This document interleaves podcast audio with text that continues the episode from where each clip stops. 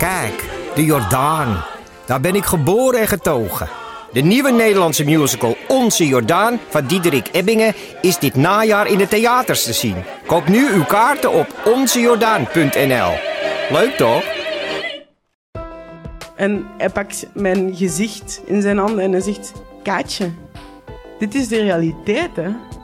Hey, ik ben Pieter van Relaas. In Relaas hoor je waar gebeurde verhalen en die worden live voor een publiek verteld door de mensen die ze zelf hebben meegemaakt. En blijkbaar, ze weten niet hoe dat, dat komt, maar sommige mensen ontdooien beter dan andere mensen. Luister naar Relaas. Je vindt ons terug op alle plaatsen waar je podcast kan beluisteren. De kip zal geen lawaai niet meer maken. Het voelt echt als thuiskomen als ik het hoor. 68, 71. Ik dacht nu steeds 68, Ik had- 71 mogen die al. Sorry? Oh, dat is grappig. Dat moet je ook zeggen in de uitzending. Jezus, rollen we dan nog steeds niet? Wat? Oké, nou. Heb jij last van de zon? Zit je vervelend? Nee, ik vind het wel lekker nu. Oh, ja. Hey Jonica. Hallo, Bosse. Was er nog eigenlijk nog wat... Was er eigenlijk nog wat te wetenschap communiceren in het afgelopen jaar? Of was het gewoon een beetje een...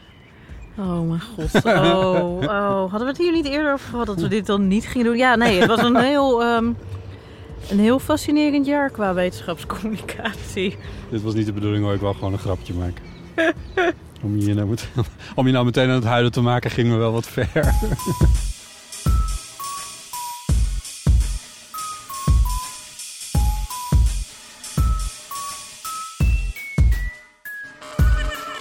We zitten op het dakterras. Eh, dus er klinken vogeltjes. Er rijden trams voorbij. Oh, als jij nou zegt, uh, welkom bij aflevering 191. Welkom bij Deel van de Amateur, aflevering 191. Dak.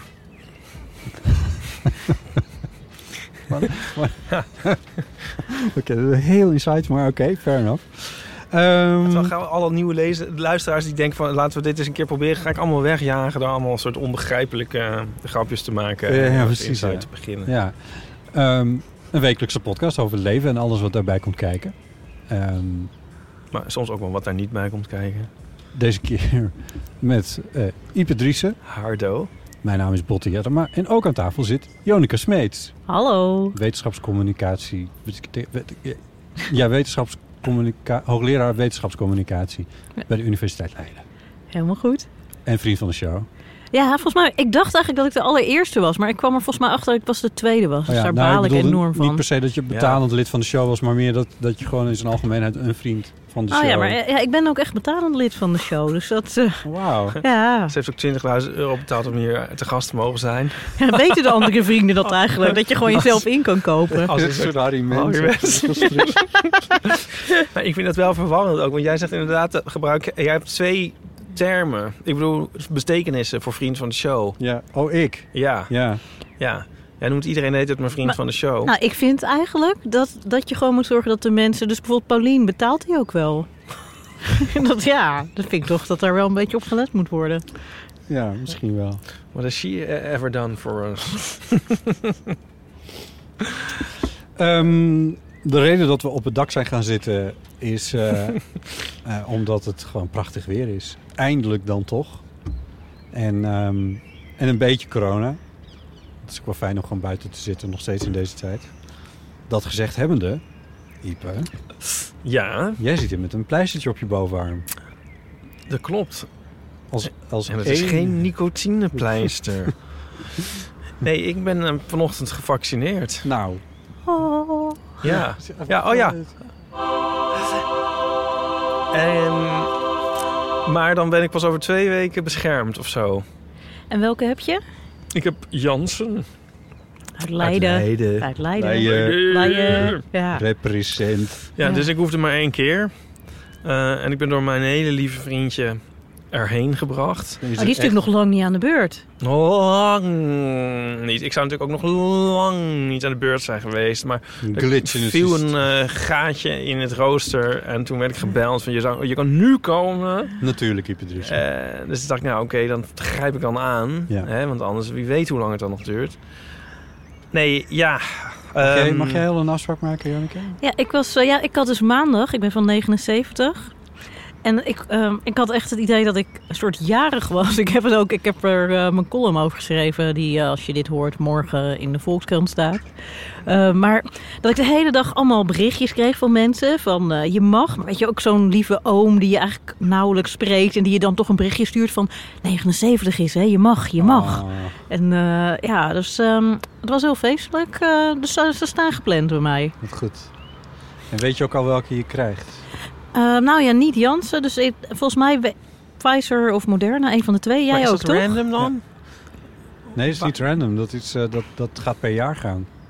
Maar, eh, maar Mijn- verschillende jaren krijgen verschillende vaccins. Ja, Ja, het hangt ook een beetje vanaf volgens mij wat er op dat moment ja, geleverd wordt, wat er ligt. En eh, ja. ja, en eh, ja, Nou, in mijn afspraakbevestiging stond het gewoon ook echt genoemd. Van je krijgt een mRNA. Ik, nee, bij mij is het ook genoemd, maar... maar bij heel oude mensen kan Jans natuurlijk minder kwaad. Dus dat zal ook wel meespelen. Ah, oh, oh. I see what you do there.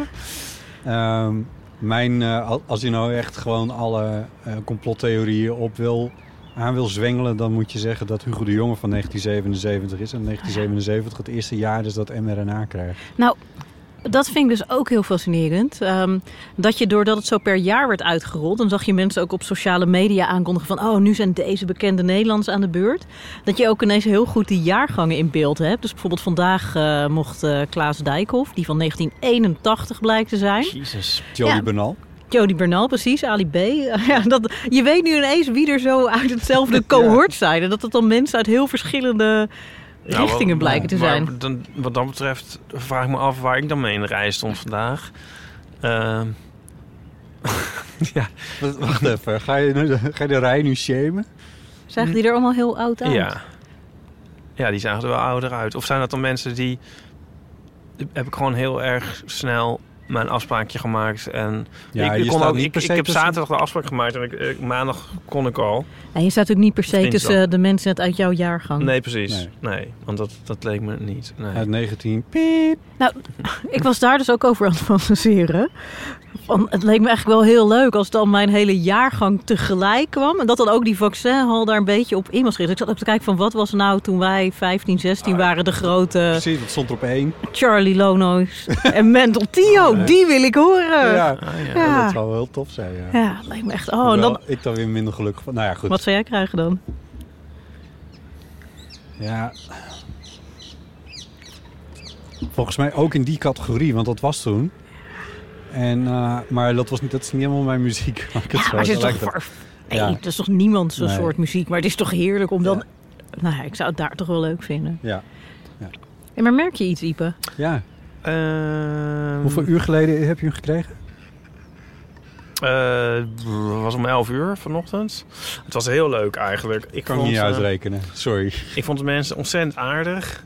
Iedereen had echt een goede zin in. Het is ook wel een heel mooie dag. Maar het begon nog met de parkeerwachters, zeg maar. Van deze kant op, hallo. En zo. Het was één grote vrolijkheid. En de security en de, de eerste dame zei... "Toen heb je een leuke schoenen aan.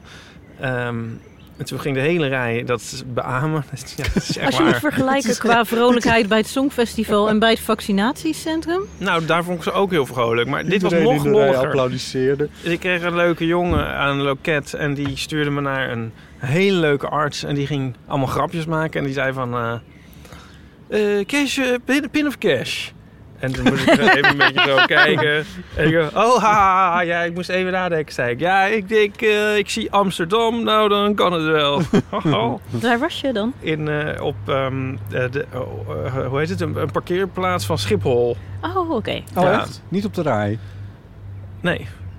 Nee. En nou, het meisje dat de prik zette was ontzettend lief. En eh, toen...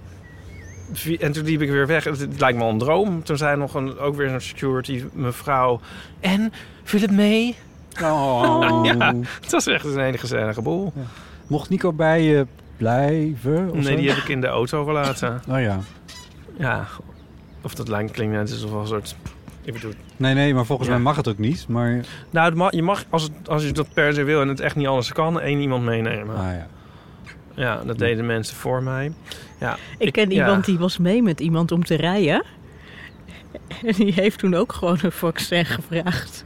Oh ja? gekregen ook? Ja, die zei, ja, ik ben nu helemaal meegereden voor die vriend van me. Ja, en ik ben zelf eigenlijk nog niet aan de beurt, maar... Oh, nou, ja? ja? toen was er toch wel eentje over. En toen hebben ze het toch maar even gedaan. Oké. Ja. Want ik zat dus weer ergens over in, zoals altijd.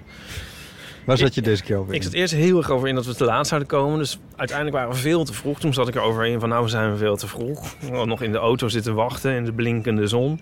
En dan toch maar weer naar binnen. Ehm, en toen zat ik er dus over in dat ik geen uitnodiging had gekregen. Maar je- op een gegeven moment was het dus... Ik had hetzelfde van iedereen van je mag, je mag. Dus toen had ik het aangevraagd. En toen had ik een bevestiging. Ja, de, de, de- het vaccin. Ah, nee, ja, ja. En toen kreeg ik een bevestiging. En die moet je meenemen. En, de, en een gezondheidsverklaring. En je legitimatie. Een gezondheidsverklaring? Ja, die krijg je. Dat is een linkje en dan gewoon een vragenlijstje. Oké. Ja, niet de nee, ja, zelf, toch? ze noemen dat zo. Ja, maar het is niet Oké, van... gewoon die gezondheidscheck die Ja. je altijd tijd doet. Ja. Oké. Eh, maar en, dus de uitnodiging stond er, moet je meenemen. En eh, ja, die had ik dus nog niet. Ja, Ja, en en dus zat kon ik, niet meer goed gaan toen zat ik natuurlijk. natuurlijk heel erg over de tobben. En toen had ik een vriend gevraagd die zo on- ongeveer hetzelfde traject doorloopt. En die kwam met een, een tweet van Hugo de Jonge van... nee, ja, als je, als je eh, bevestiging hebt, hoef je de uit, afspraak niet, uitnodiging niet mee te nemen. Maar toen daar in de rij zag iedereen zo met een papier staan dat het niet had. En overal schermen met van... eh, de uitnodiging, die moet je bij je hebben, de uitnodiging. Weet je wel, dus dan, dan, ik ben dan zo, eh, eh, dan ga ik helemaal dood eigenlijk. Ook al was het dan zo gezellig.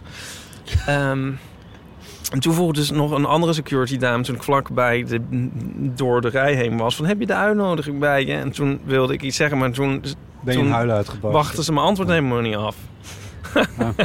dus toen liep ik maar onnozel door. Maar ik vind ook bij de coronateststraat staat ook heel de tijd neem je idee mee. Ik ben nog nooit om een idee gevraagd Nee. daar. En ik ben er toch vrij vaak geweest inmiddels. Het, ja. Ja, Maar ik kan me die paniek wel voorstellen. Dat je daar staat en dat je denkt, oh, ik zal niet weggestuurd worden. ja ik zat, ik, dan zit ik ook heel erg in scenario's eh, te denken van wat ik allemaal ga zeggen en zo.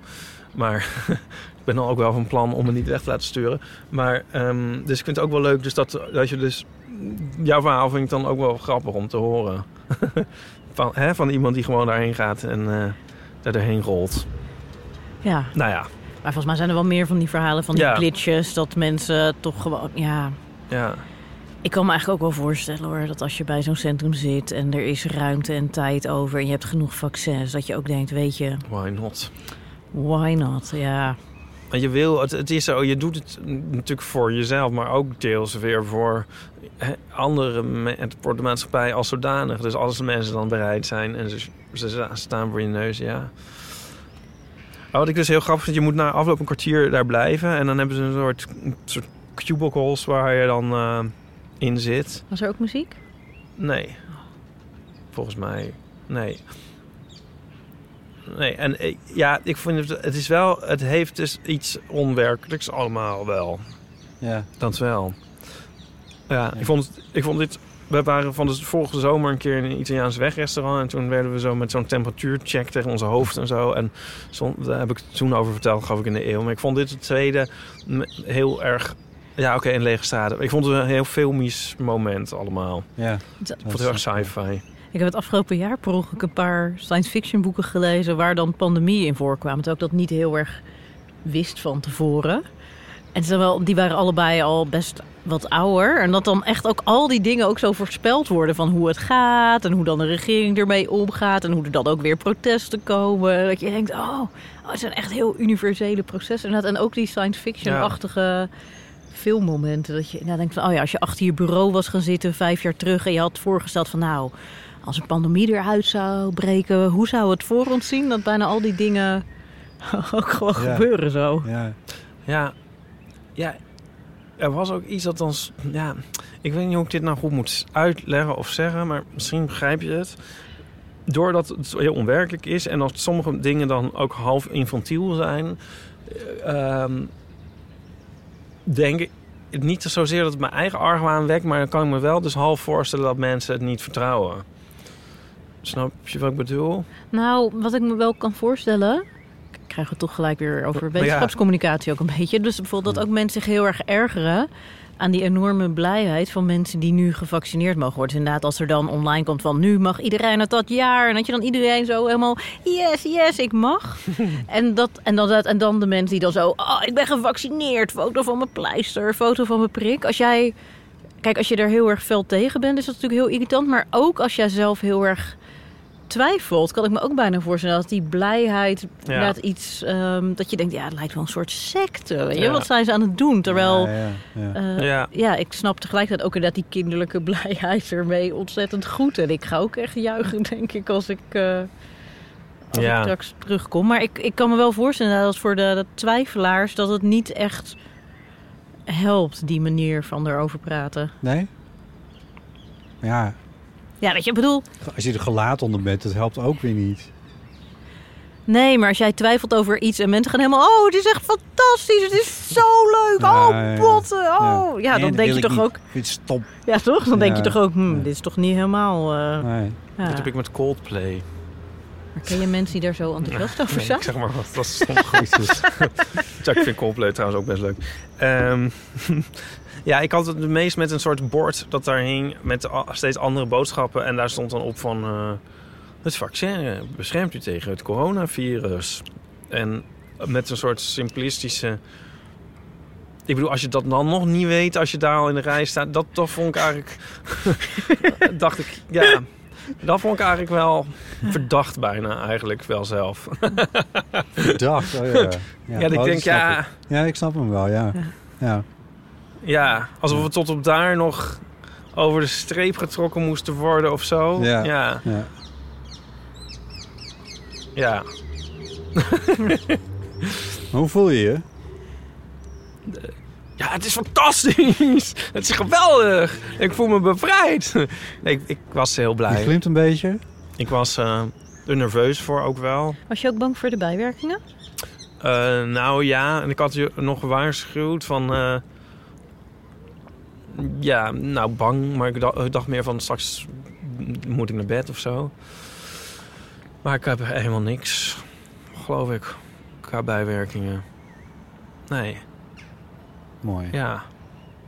Eh, nee, dus ik was enigszins nerveus. Ik word toch enigszins nerveus van een medische ha- handeling, whatever.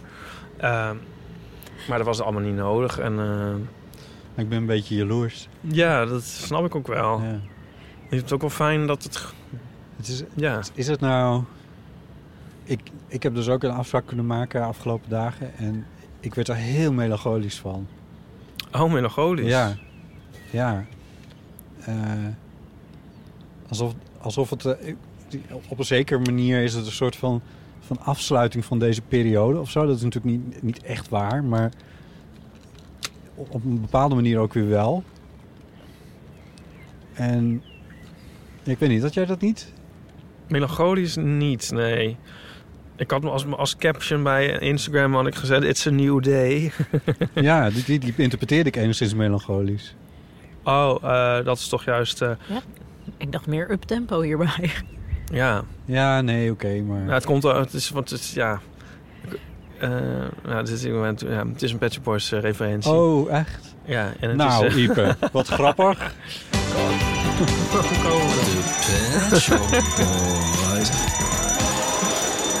Laten we daar nou een jingle van hebben. uit het liedje Miracles komt het.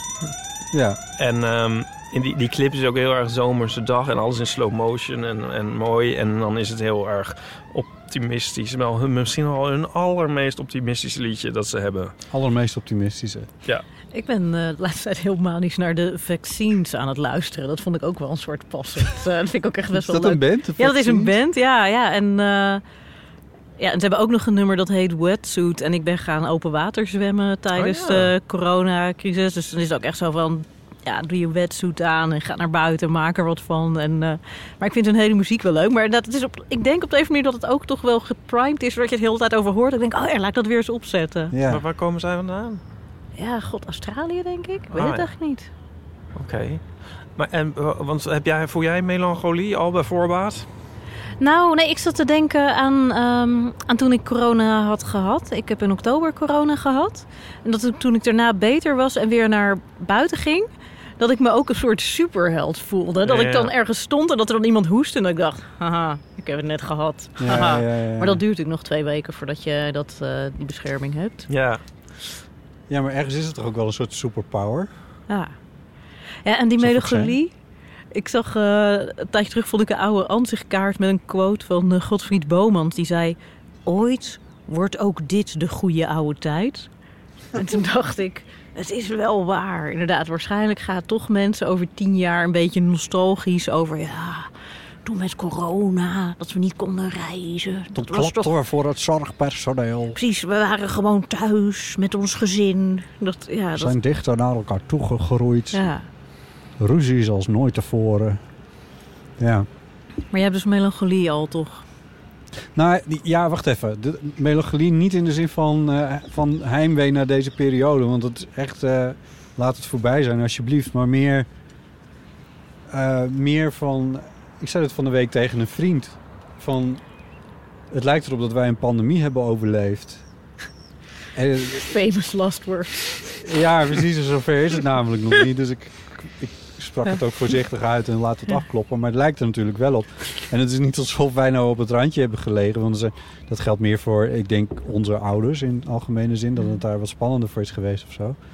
Eh, maar, eh, maar het is toch wel zo dat we dit wel met z'n allen hebben doorgemaakt. En daar werd ik een beetje melancholisch van. van, eh, van ja, het is, ja, niet om mezelf nou een schouderklopje te geven. Maar het is ergens toch wel een prestatie of zo.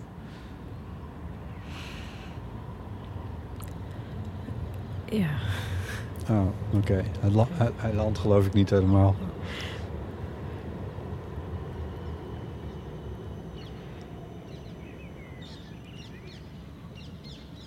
Nee, ja, ik, moet, ik las dus dat, ehm, dat science fiction boek... eh, waar dus ook een pandemie in bleek te voorkomen. Maar dat was dan eh, de pest echt.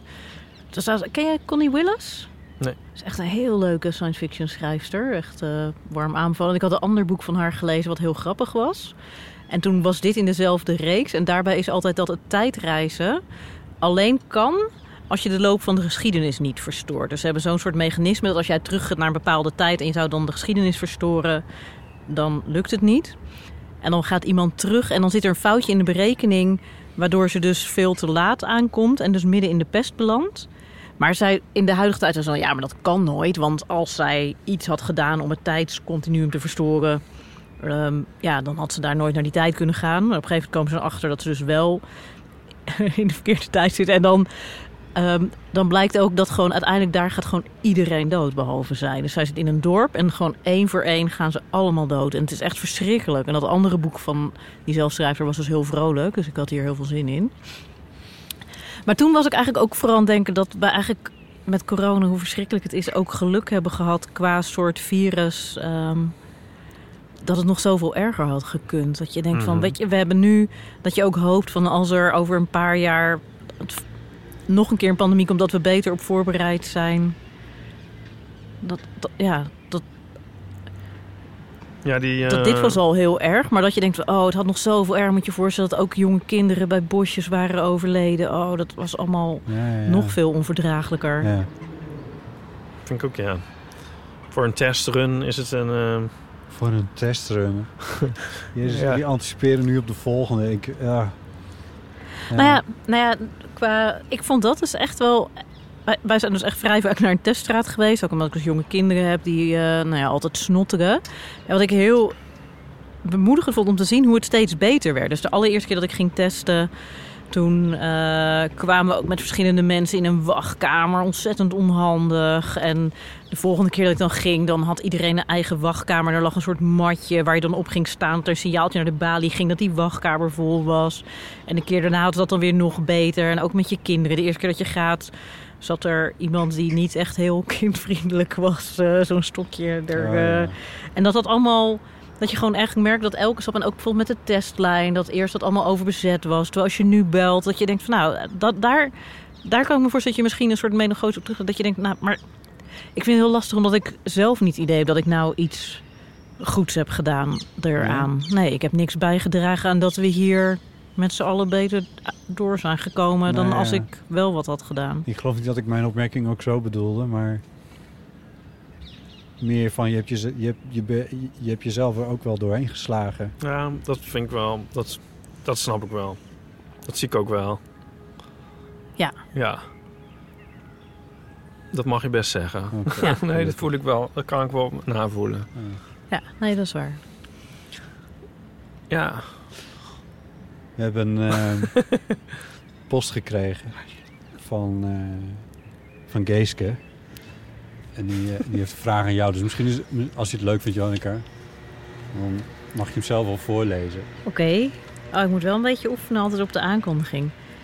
Leven vrienden. Nee, helaas. Maar Oké, nou, oké, nog een keer, nog een keer. Zal ik hem even... Ja, even- graag. Leven vreun. Leven vreunen. Kan je. Kan je. Ja, de N'en die spreek je bijna aan elkaar uit. Leven vreun. Leven vreun. Ah, dat is echt moeilijk. Ah.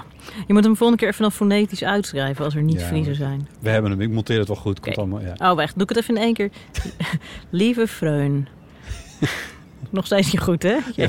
Ja. Dan gaan we door. Ik ga trouwens een uh, column noemen, Omroep Friesland. Nog. Ja, je dacht, ik dat mes draai ik nog even om. Nee. Ga verder. Oké, komt-ie. Wat fijn dat jullie weer zo'n leuke gast hebben. De afleveringen waar Jonica bij jullie aanschoof behoren tot mijn favorieten. Oh. Graag wil ik van Jonica weten hoe zij aankijkt naar onze nabije toekomst. Gaan we snel terug naar het oude normaal? Of zitten we nog jaren vast aan mondkapjes en anderhalve meter afstand? Heeft ze vertrouwen in de vaccinatie en is ze van mening dat kinderen ook geprikt moeten worden? Ik ben heel benieuwd naar haar standpunt. Maak er weer wat moois van. Een X, oftewel een grote kus en tjus. Geeske. Bedankt. Dankjewel Geeske, wat leuk om te horen. Ehm, even kijken hoor, ja, je hebt heel veel vragen. Ja. Ehm, gaan we snel weer terug naar het oude normaal? Of zitten we nog jaren vast aan mondkapjes en anderhalve meter afstand? Ik denk dat we in grote lijnen teruggaan. Ik moet wel zeggen dat ik eigenlijk denk dat mijn standpunt hier niet zoveel waard is hoor. Ik vind het altijd heel lastig dat je hier dan zit als een soort hoogleraar... terwijl ik hier natuurlijk eigenlijk net zoveel van weet als wie dan ook. Maar als Geeske het vraagt, zeg ik gewoon wat ik denk. Wat ik wel denk dat een aantal dingen wel eh blijvend veranderen. Dus bijvoorbeeld dat ehm, heel erg zo'n Nederlandse mentaliteit was... om ook als je een beetje ziek was in de winter naar je werk te gaan. Ja. Dat dat volgens mij gewoon echt niet meer acceptabel gaat zijn. En wat ik zeer toejuich. Ik hoop ook dat bij kringverjaardagen iedereen feliciteren ook afgeschaft wordt. maar ik denk dat we verder toch... eh, ja, als het zo gaat zoals het nu lijkt te gaan... denk ik dat je redelijk teruggaat. Eh, en misschien dat er lokaal... Dus dat je misschien als er reden toe is... lokaal weer een tijdje mondkapjes of afstand moet doen. Of, Ja. Maar ik denk dat het... eh, Ik denk dat het Geesk ook heel benieuwd is of de grote technofeesten in de hoofdstad... of die weer doorgaan. Ja, ja, daar had ik natuurlijk heel erg zin in. Ja. Ja. Of jij daar iets over kan zeggen, Ja. Jonica? Ja. Ja, nee, nee, nee. Die, Maar- die komen nooit meer terug. Nee, gek dat is gewoon afgelopen, ja. Ja. Maar is het... Zij, ik kan me ook wel iets voorstellen dat het dingen zijn... waar we gewoon ons in collectief ook niet per se wel veel zin meer in hebben. Laat ik gewoon voor mezelf spreken, dat is beter. Ik heb zelf niet zoveel zin meer om mensen eh, drie zoenen te geven. Dat was al een beetje on the way out. Maar, en, en dat handen schudden, iedereen handen schudden... Dat, dat, heb, dat hoeft van mij ook niet per se meer terug te komen. Nee, nee, er zijn best wel wat dingen waarvan je denkt... die kan je wel, eh, Ja, laat dat maar. kan je wel laten. En, ehm, Kunnen we dan niet moeten we daar dan niet eens in betekenen? Kunnen we dan niet eh, even proactief gewoon... eh, Ja? ja? weet ik niet. Kunnen we dat op de een of andere manier agende- agenderen? Agenderen? Heeft er iemand een column in de Volkskrant? Oh, ja. ja, dat ik even gewoon... we dat gewoon Nou, nooit Weet je meer wat ik bijvoorbeeld ook een heel grappig vind over... ehm, ja, daar zitten hier niet echt in natuurlijk. Maar wat ook heel erg over vergaderingen. Dat ehm, online vergaderen voor sommige dingen best wel goed werkt. Dus voor sommige dingen is het heel relaxed. Maar voor grote clubs kan het eigenlijk best wel lekker efficiënt.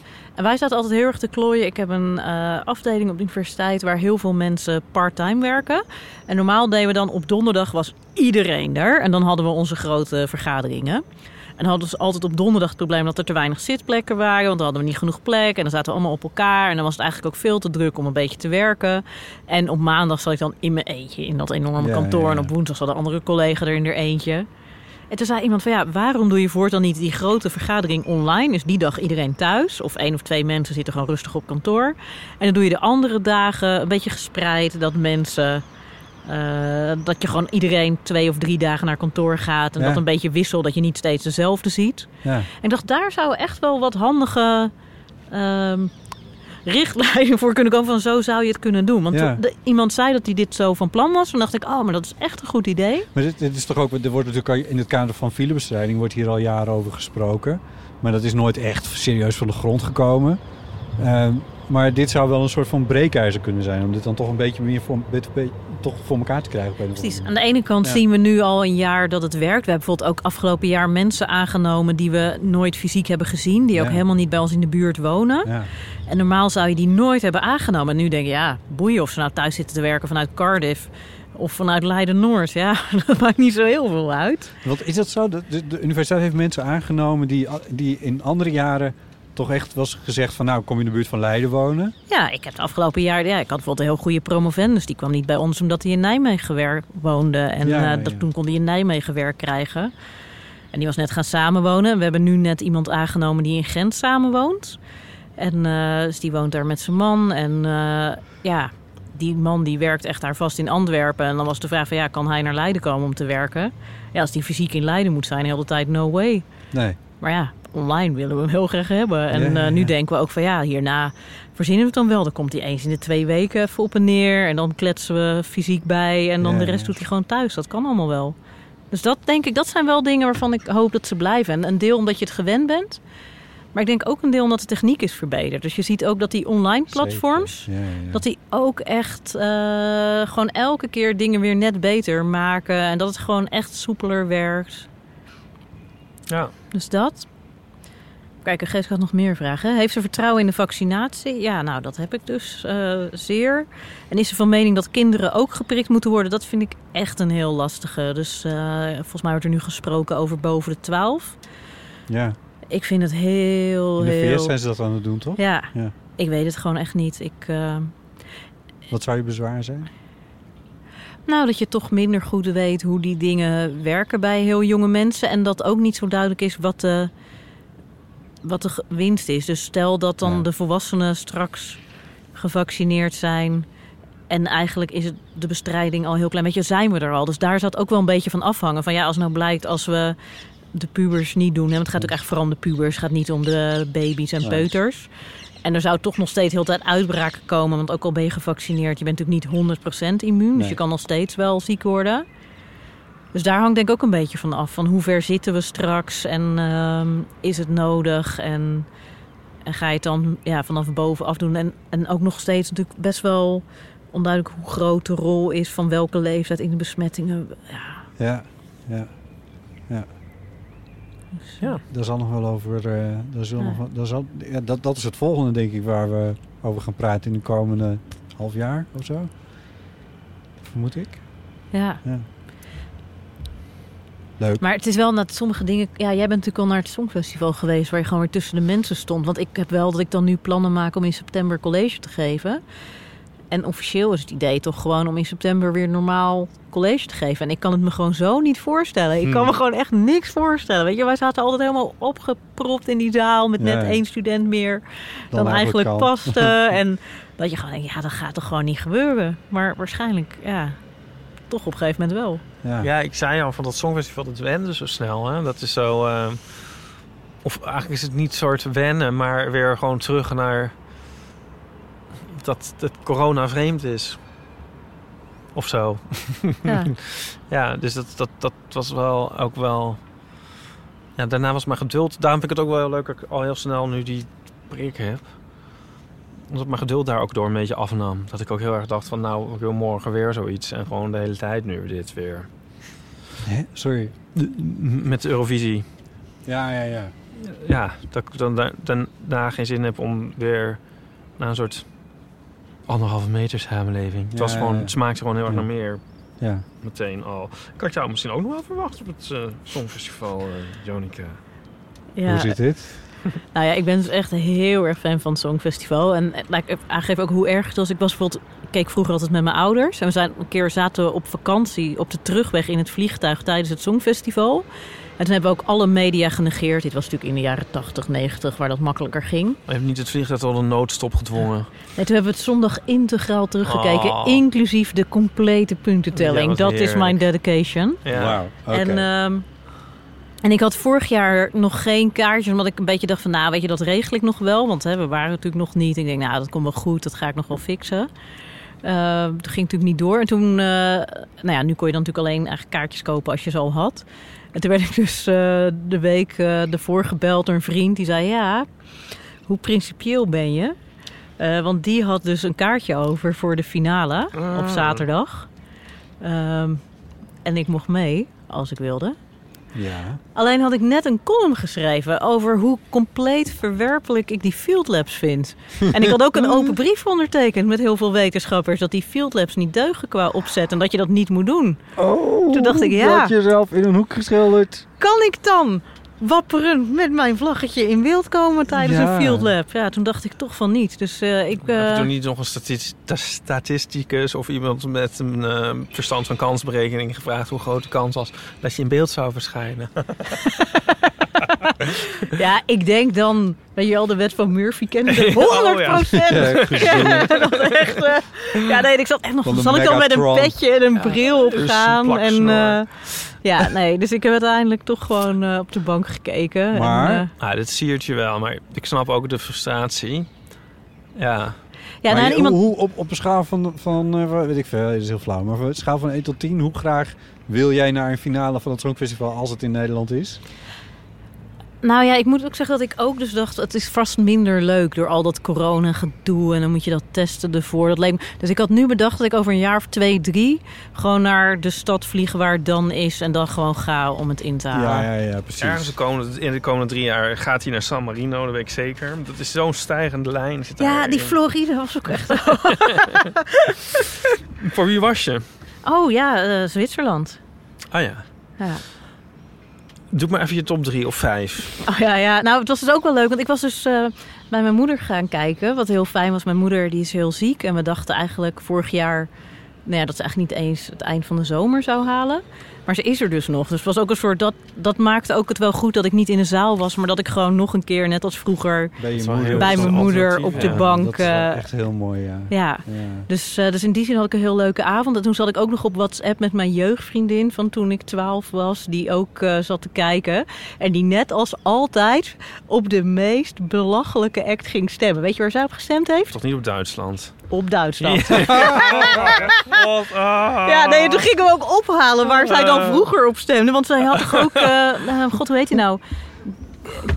Eh, had ooit liep. Guido, was dat Guido? Oh god, we hebben, nou ja, er was ook jaren terug ook echt iets verschrikkelijks van Duitsland. Dat is toen ook op gestemd. Dus dat was ook een soort... En mijn moeder, die dus eigenlijk best wel een goede smaak heeft, die was dus helemaal voor IJsland. Dus ja, dat, eh, ja, die heeft ook op IJsland gestemd. Ja. Ja. Ik vond Frankrijk een heel goed nummer, maar het was jammer dat ze een beetje vals zong tijdens de finale. Anders Ja, had ik daar wel op gestemd. Ik heb daar meer mensen, ja, dat zijn, nou, of hebben we het hier over gehad? Maar, ik, ik hoor Nou, dat ik niet. zei dat ik er niet, dat ik, ja. Nou ja, oké. Ja, en Ja. Ik, zat, ik zat dus met twee, Ja, jij zat met twee Manoy. muzikanten te kijken en we Oh. keken echt allemaal zo naar Frankrijk met knijpende ogen van, maar, maar god, wat voor, wat Nee, het is echt jammer, want het is echt een goed Nou, nummer. En ze kan ook wel zingen, maar... Ja, maar en toen had ik er denk ik al wat lelijke dingen ook in een bepaalde appgroep over gezegd. En toen Oh. kreeg ik gehoord dat Ipe echt helemaal... Ja, jij was echt... eh, Ik helemaal had misschien tegen die tijd al heel veel gedronken dan of zo. Ik heb het niet als vals Nou, ervaren. Maar ik kan me ook wel voorstellen dat het ook zeker... Ja, het is ook wel heel overrompelend. En het zit heel erg op het randje van... Is het nou een passionele... want ik ken ook een muzikant die zei van... Dit is tenminste een optreden. En dat het dan niet helemaal loepzuiver is. Nou, ik hou daar sowieso van. Mijn, mijn theorie is dus dat als iemand heel goed kan zingen, dan ra- raakt het mij minder. Het is niet eens een theorie, dit is een feit. Oh, net zoals Harry Banning die ook altijd zei dat ze niet moesten zingen. ja, want nou, als dus iemand die eigenlijk... Maar dit gaat niet helemaal over Frankrijk, maar iemand die eigenlijk niet kan zingen, toch gaat zingen, dan is er een soort enorme noodzaak. Dan is er een soort reden wat, waarom Ja, dit gezongen ja. moet worden. En als iemand gaat zingen die fantastisch mooi kan zingen, dan is de reden het zingen. En dat, dat staat me soms dan tegen. Dus, dus, een- een- en ik, ik vond bijvoorbeeld Zweden, die, die jongen, Oh, vond ik ja. wel mooi. Die, ja, die zit dan ook een beetje tussenin. Maar dat vind ik dan wel lekker, want dan hoor ik ook tenminste een soort menselijke Ehm, Ja. Ik hoop dat je zelf wel door hebt dat het eigenlijk een beetje een. Non-redenatie is. Dat als het alleen maar echt kan zijn als iemand niet kan zingen. Dat slaat natuurlijk eigenlijk nergens op. ja, dat zeg ik. Ja. Nee, oké. Nou, maar als iemand niet te mooi... Ik snap het wel. Als iemand heel be- bezig is met heel erg technisch mooi zingen... dat het bijna te abstract en rationeel wordt. Terwijl die emotie ook wel... Die, die, die jongen uit Zwitserland, die zong ook gewoon... Die haalde ja, die zong... noten. Ja, precies. Ja. Ja, dus- Ja, Ja. maar dat stoort me dus eigenlijk ergens. Oh, ja, oh. Oh, en heb ik verteld van die zanger van Italië? Die Nee. lijkt namelijk als twee druppels water op een ex-vriendje Oh, van ik mij. weet welke ex. Wat? Welke ex? Weet je dat? Nou, die ene van die verhalen neem ik dan aan. Ja, ik heb dus, ik heb dus echt... Het, zo, ik zat een keer bij een cabaretvoorstelling waar ze het hadden... elke vrouw heeft wel zo'n fout ex-vriendje. En dan noemden ze op wat voor soort die had. En dan had ik een soort verenigd in één. Eh, en, maar die leek dus heel erg op de zanger van Italië. En eh, toen ik net verkering met hem had... In welk opzicht dan? Nou, Fysiek? qua uiterlijk. Ja, hij liep ook... Ja, dus ik weet ook dat toen ik verkeer met hem had... dan droeg hij ook vaak een slangenleren pak. En eh, hij was heel... eh, hij leende ook altijd mijn kleding. Dan liep hij in mijn kleding. En eh, nou ja, het was een heel fascinerende jongen. Maar die was dus ook als beroep cocaïne dealer. Ja. Die bedoelde ik. Heb je... Ja, ja, dit is, Mind is blown. ja, ja, ik weet nog dat mijn vader Media toen vroeg... Courant, bloot die jongen. Als ik de mediacorant was, dan wist ik wat de headline was. Ja. Nee, Oh ja. mijn god, Jonica, heb jij zo'n ruig verleden dan? Nou, nee, dat was dus het grappige. Want ik heb dus nooit drugs gebruikt. Ik heb niet eens gebloot. Je- En dan had ik... Je eh, stoel valt bijna bij dat randje naar beneden. Ja, sorry, ik is midden in de scoop. Nee, ja, ja, maar goed. Ja, sorry. Nee, ja, dat was dus eigenlijk het soort gekke. Dat ik dus, ik woonde in een huis, eh, studentenhuis, met een paar mensen die heel veel drugs gebruikten. En een paar mensen die dat niet deden. Dat waren toevallig ook allemaal wiskundigen, die tweede groep. Maar ik vond het wel altijd heel prima. Dus ik had bijvoorbeeld ook een huisgenoot, die ging dan ook echt mee naar van die techno met een K-feesten. En dan werd er ook gewoon rondjes drugs gehaald in plaats van rondjes drinken. En hij stond daar dan op Spa Blauw, weet je wel. Hij dronk ook niet eens, hij nam geen pillen of niks. Maar hij stond wel tot acht uur s'nachts te dansen. Nee, nee, nee, nee. Dat Oh. was dan die wiskundige vriend. Oh, sorry, ja. Ja. Nee, maar ja, dat, dat vriendje van mij, ja, het was een beetje een soort stapsgewijs, weet je. Dat je dan eerst soort van, ja, ik heb gehoord dat hij wel best veel drugs eh, gebruikt. Dat je denkt, oh, nou ja, oké. Nou ja, zolang ik niet doe waar ik bij ben heel de tijd. En ja, hij had wel altijd heel veel leuke, originele ideeën, moet ik zeggen. en eh, en op een gegeven moment kom je erachter dat hij ook een beetje dealt. Dit was een soort... eh, Jij wist dat... Zo stapte je er niet in, zeg maar. Zo van, oh, ik heb nog een vriend die cocaïne dealer is misschien iets voor jou. Jullie, zo werden jullie niet aan elkaar voorgesteld. Nee, nee, nee, nee. Hij kwam binnen in de discotheek. Is echt ook een soort oma verteld verhaal. Maar hij kwam binnen in de discotheek. Toen zei mijn huisgenoot... dancing, Ik zie jouw ideale man, maar ik denk dat hij homoseksueel is. En toen zei ik, ik kan het altijd proberen. Nou, nou, nou, en zo begon deze glansrijke relatie. het heeft misschien moet ik er wel bij zeggen dat dit niet heel lang heeft geduurd, een paar maanden. Het was heel leuk. En toen Ja. dacht ik toch, ja, is dit nou iemand waarmee ik eh, oud zou willen worden? Maar wat ik heel graag wil zeggen, het was namelijk echt een heel leuk iemand. Dat vond ik heel leerzaam. Dat het echt een heel, eh, weet je, het was ook meer iemand die dan de huisdieder was van het studentenkoor. Eh, hij was zelf geen student. Nou ja. En hij is dus uiteindelijk ook, eh, ik heb hem daarna een beetje gevolgd. Hij is uiteindelijk afgekikt en de verslavingszorg ingegaan. Dus ik dacht, het was gewoon echt wel. Het was eigenlijk, ja, ik vond het echt een heel leuk iemand. Maar die deed me dus echt heel erg aan die zang van Ja. Italië. Zat ik daar heel de tijd aan te denken. Van, oh, dat was echt zo'n jongen. Oh, hij zat ook in een band. En, eh, ja. Ja. Dit moet even landen, maar eh, ja. Oh ja, ja. ja. Ja, wat vond je van Italië? Ja, sorry, het is misschien een heel rare follow-up na deze Nee, ontboezeming. Maar ik ga toch even terug naar het ik Eurovisie. wil toch weten. Nou, toen we, het, de, toen we het de eerste keer hoorden, want we hadden het niet vooraf gehoord. Mijn moeder zat echt een beetje, "Jeetje, dit is echt een soort slap abstreksel van eh, de jaren zeventig. Wat is dit nou? En ik zat ook, oh, wat een saai riffje. En ik, en ik vond het op zich wel goed gedaan in zijn genre, maar een beetje saaiig. Maar daarna heb ik hem vaker gehoord en ik vind hem eigenlijk toch best wel leuk. En ik vond het een soort hoopgevend. Dat ik dacht, hier hebben jonge mensen op gestemd. Dus dat ik dacht, oh wat leuk. Dat het Oh ja. Songfestival niet alleen voor 60-plussers is. Maar dat er gewoon... Ik vind dat dus ook echt ja, qua verbroederend idee. Ik vind dat dus nog steeds zo leuk. Dat al in heel Europa Ja. allemaal mensen samen zitten te kijken. En dan gaan stemmen. En Zijn er, eh, zijn er statistiekjes van? Van eh, wie op wat heeft gestemd en dat soort dingen? Demografieën en zo? Nee, je weet het niet van de telefoto. Je hebt wel echt heel veel statistieken natuurlijk gewoon met welke landen op elkaar stemmen. En het verschil Ja. tussen de jury en de televoting. eh. ja. Heb je het nog nooit gebloot? Nee, bizar hè? Ik zie, Bot heeft hier wat eh papaverbloemen eh, staan. Nee. ook Nee, ik moet niet. zeggen, blowen leek me ook heel onaantrekkelijk. Want ik heb ook nooit gerookt. Ik moet zeggen, pillen leken me heel leuk. Maar dat leek me altijd het gevaar dat het me ook echt heel leuk leek. Ik dacht, ja, dat lijkt me dan eigenlijk zo vervelend. Dat het dan heel leuk is. dan zou ik het ook heel de tijd willen doen. Ik ben volgens Oh, mij namelijk best verslavingsgevoelig. Dus ik Ja? denk altijd dat ik dan beter ergens niet aan kan beginnen. eh, dan dat ik moet gaan proberen er weer mee te stoppen als ik het eenmaal ben gaan doen. Oh ja. Daar dan wel, als dat, ja, dat, dat lijkt me wel overstandig. Heb jij ook helemaal niks gedaan? Nee. Nee. Dus dit is voor de sier. Ik ben paarwers. ja. ik, eh, ik heb vorig jaar een, eh, een zakje wilde bloemen gekocht. Als wilde bloemen, alleen gelaten. Is dit een songfestival inzending van Nederland geweest? Nee, dat is een eh een Frank Boeien liedje. Oh, Van zijn album Wilde Bloemen. Ja. Ja. Tex had laatst een spreekbeurt gehad van iemand die, eh, hoe heet dat nou, dat, dat eh, denkt niet zwart, denkt niet wit. Kronenburger Park. Nee, dat is zwart-wit.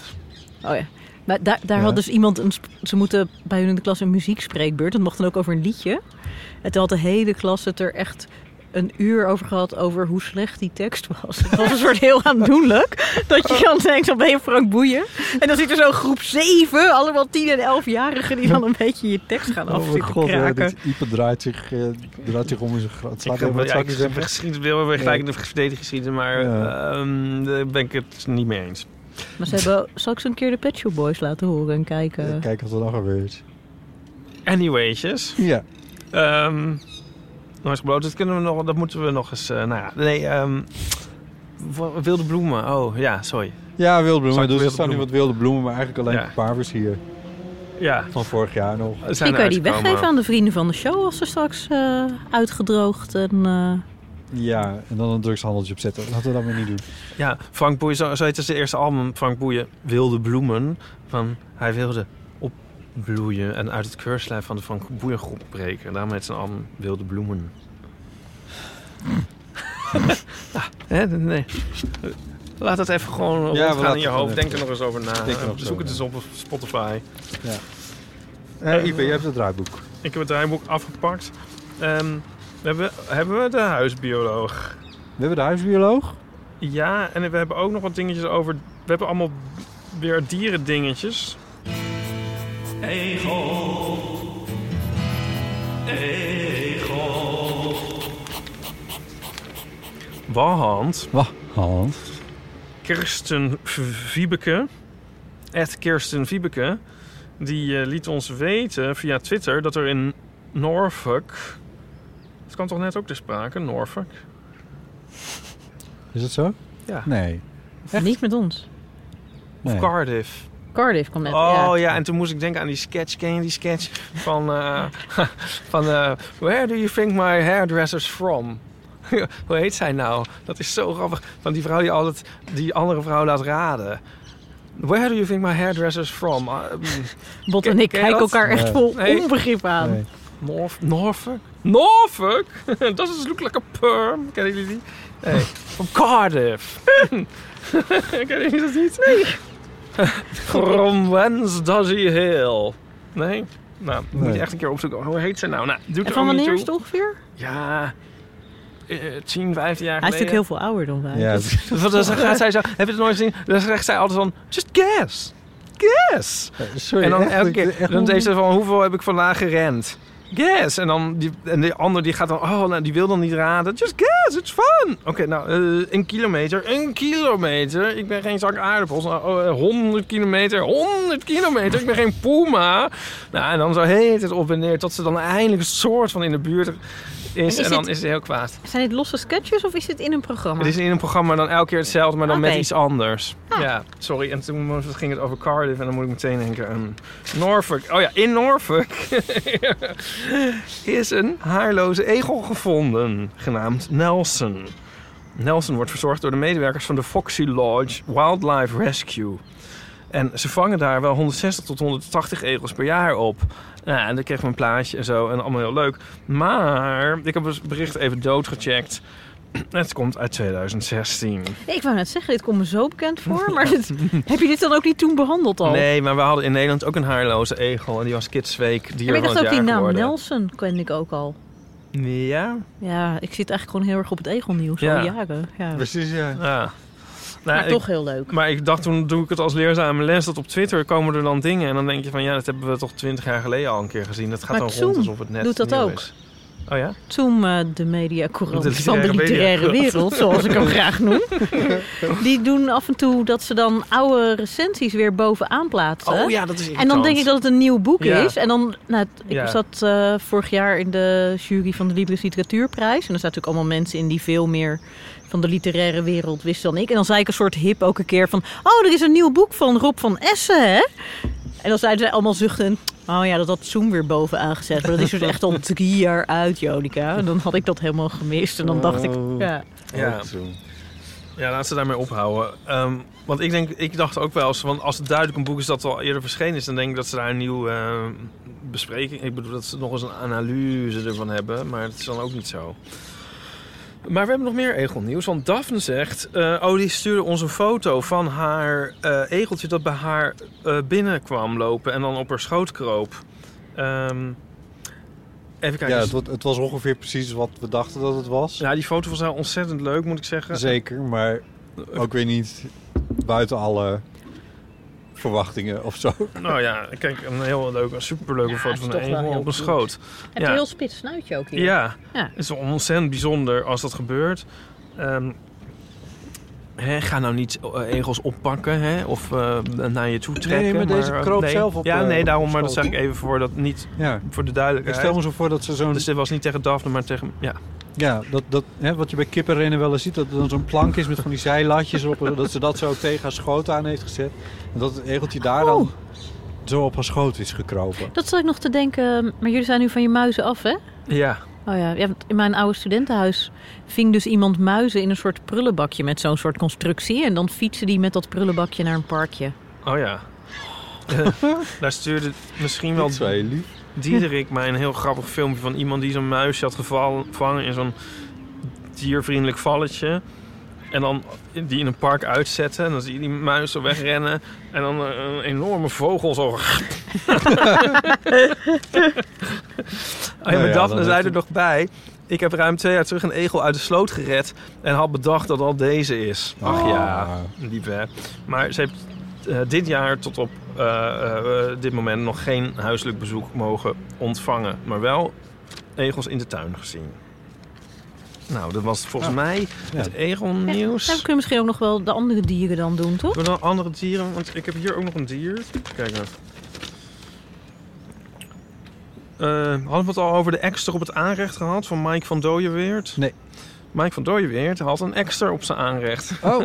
Gelukkig vloog hij ook uit zichzelf weer naar buiten. Ekster op mijn aanrecht is tevens de titel van mijn nieuwe roman. Even kijken. Dichtbundel is beter dan, denk ik. Ja, dat is, eh, dat is het Ik zie het ook wel als een soort punkrockliedje.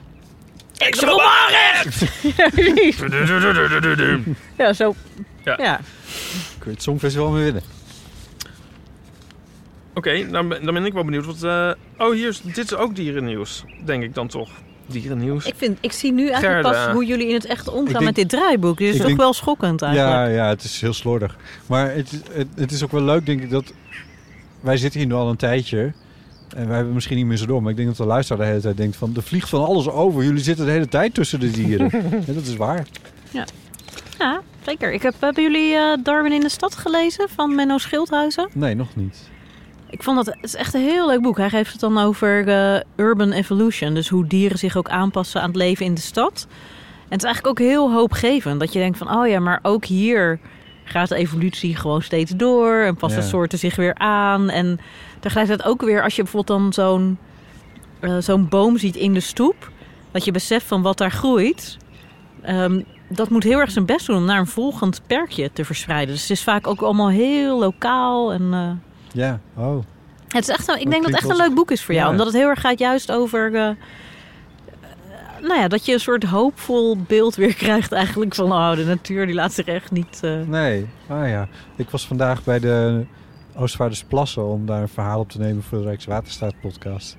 En eh, dat is, ja, ik bedoel, die geschiedenis op hoofdlijn is dat wel bekend. Maar dit was een, ik sprak de bioloog die daar echt al 40 jaar zit. Die daar al 40 jaar aan werkt. En die dus ook al die plannen die daar zijn geweest en zo voorbij heeft zien komen. En die zei van ja, ik dacht dat het een mythe was, maar het was dus echt zo. Oostvaarders was dus echt bedoeld als industrieterrein ooit. Eh, en was, is zo ge- geworden omdat het het laagste punt was van, eh, van de Flevopolder. Eh, dus dat was het laatste waar ze aan toe kwamen. Maar toen ze daar waren, toen dachten ze, ja, ja, wacht even, misschien is het... Want tegen die tijd had de natuur het totaal overgenomen daar. En wat ik ook fascinerend vond, is hij zei van, nou, het was het laagste punt, maar dat is het niet meer. Want het andere, zeg maar, het landbouw, la- wat als landbouwgrond, dat, wordt ge- ge- gedraineerd en het water wordt afgevoerd en zo. Zei, dat is soms wel een meter ingeklonken. Dus dat is nu zo laag dat die hele Oostvaarders nu het hoogste deel is van, de, eh, van die hele Flevopolder. En dat heeft weer allemaal nieuwe consequenties voor de natuur, brengt het met zich mee. Ja, ik vond het echt een fascinerend verhaal. En die podcast moet ik dan ook eens gaan luisteren. Ja, het zal nog even duren voordat deze aflevering er is, maar ik ga mijn best doen. Leuk? Ja. ja. ja. Maar in het kader van natuur past zich weer aan. Ja. Ook, ook dat is natuurlijk, het ziet er wel uit als een soort enorm natuurgebied, maar je moet je goed realiseren dat het drie meter onder het niveau ligt van eh, het IJsselmeer. Ja. Dus als je daar echt niks meer aan gaat doen, dan staat daar binnen de kortste keren gewoon weer heel veel water. Dat is En natuurlijk ook natuur, hè? dat is wel natuur, maar dan ben je wel al die bomen, struiken. Ja. eh, er was een hele. eh, we waren bij een vogelkijkhut en er waren allemaal zwa boerenzwaluwen die, bij die in die kijkhut weer gingen nestelen. Dus die, die kijkhut werd op zichzelf weer een soort natuurding, zeg maar, waar, waar vogeltjes weer iets mee deden. En eh, we hoorden een koekoek en we zagen allemaal vreemde soorten meeuwen en zo. Er zitten zeeaarden zitten daar. Het is echt fantastisch. Ja, dit was ook de mooiste dag om daar te zijn trouwens. Het was ook mooi weer. Ik vind het wel altijd heel leuk hoe biologen naar natuur kijken. Dus wij zitten in een instituut eh, van biologie met onze eh, afdeling wetenschapscommunicatie. En Oh, ja. dus, ehm, dus ja, dan heb je ook vaker uitjes met eh Ik biologen. heb jou een keer, ik weet niet of je dat nog weet. Dat is, Oh, ik heb ja! jou een keer geïnterviewd en toen, kreeg ik, toen stapte ik de lift daarin. En toen, dit heb ik al een keer verteld, maar toen kreeg ik een tomatenplantje van iemand die echt zo'n hele kar vol met tomatenplantjes daar. Weer tomatenplantjes. En dat jij toen echt Eh, dacht... Ja, leuk. En je durft ze niet te eten, toch? Nee, ik dacht maar, nou ja, goed. Ik ging er niet vanuit dat ze mij een of ander genetisch gemodificeerd tomaatje aan aansmeren was. Maar die heeft hier nog heel, die heeft hier op het terrasje gegroeid, ja. Maar dat, dat daardoor... Voor de opiumvelden hier. eh, het Ja, overnemen. dat is- Ja. Ja. Nee, maar ik vind dat wel leuk. Dus dat soms, als, wat ik bijvoorbeeld echt fascinerend vind, dat zij ook zo kijken naar biodiversiteit. En dat ik soms dan ergens zie en denk, oh, wat is het hier mooi groen. En dat zij dan echt een soort, oh, wat een armoede. Er is hier zo weinig biodiversiteit. En moet je kijken, dit zijn allemaal exoten die hier niet horen. En Ja, dat ik alleen ja. maar denk, leuk groen hier. Leuk en, groen. eh, ja. ja, en bij ons, eh, bij de Kagerplassen, daar was altijd een soort, ja, gewoon wild gebied. Maar dat is nu dan ook helemaal veranderd. Er zijn plassen aangelegd omdat er meer vogels komen. Ja. Maar daar wandelde ik ook met een bioloog en zei... ah, hier wordt natuur aangelegd. en ik dacht, oh ja. En we zaten ook te wachten tot ze de vogels kwamen invliegen. Want er zit ook een vogelkijkhut, maar er zaten dus geen vogels nog. Oh ja. Dat je ook bijna een soort verwacht dat er een soort container komt of zo met vogels. om het dan een beetje op te leuken. Ja. Ja. Is- ja, ik, ik heb toevallig gisteravond Jurassic Park gekeken. Daar moet ik nou heel erg aan denken. Echt? Ja. Hoe was die nu? Eh, te lang, maar toch ook wel leuk. En het is heel grappig dat Jeff Goldblum echt helemaal in, in een eigen film zit of zo. maar, maar dan, eh, eh, ja, op een gegeven moment komt er dan ook echt een container met, eh, met die Velociraptors of zo aan. Dus dan, dat zie ik daar helemaal voor me. Dat je dan inderdaad in een veld een container met allemaal vogels. Dat is heel grappig. Ehm, ik heb heel om dit even, ook nog even af te werken. Want we hebben dus nog een, een, een, een berichtje en een, en een dingetje. Een berichtje en een dingetje. Moet ik dit voorlezen? Ja, sure. Eh, Doe je dat wel in een beetje in de microfoon? oh ja, van Gerda. Beste Bot en Ipe, toen jullie podcast verhaalden hoe een hagedis naar Curaçao kan reizen, vond ik dat ik ook een duit in het vreemde dieren in huis zakje moest doen. De volgende gebeurtenis staat scherp in mijn geheugen gegrift.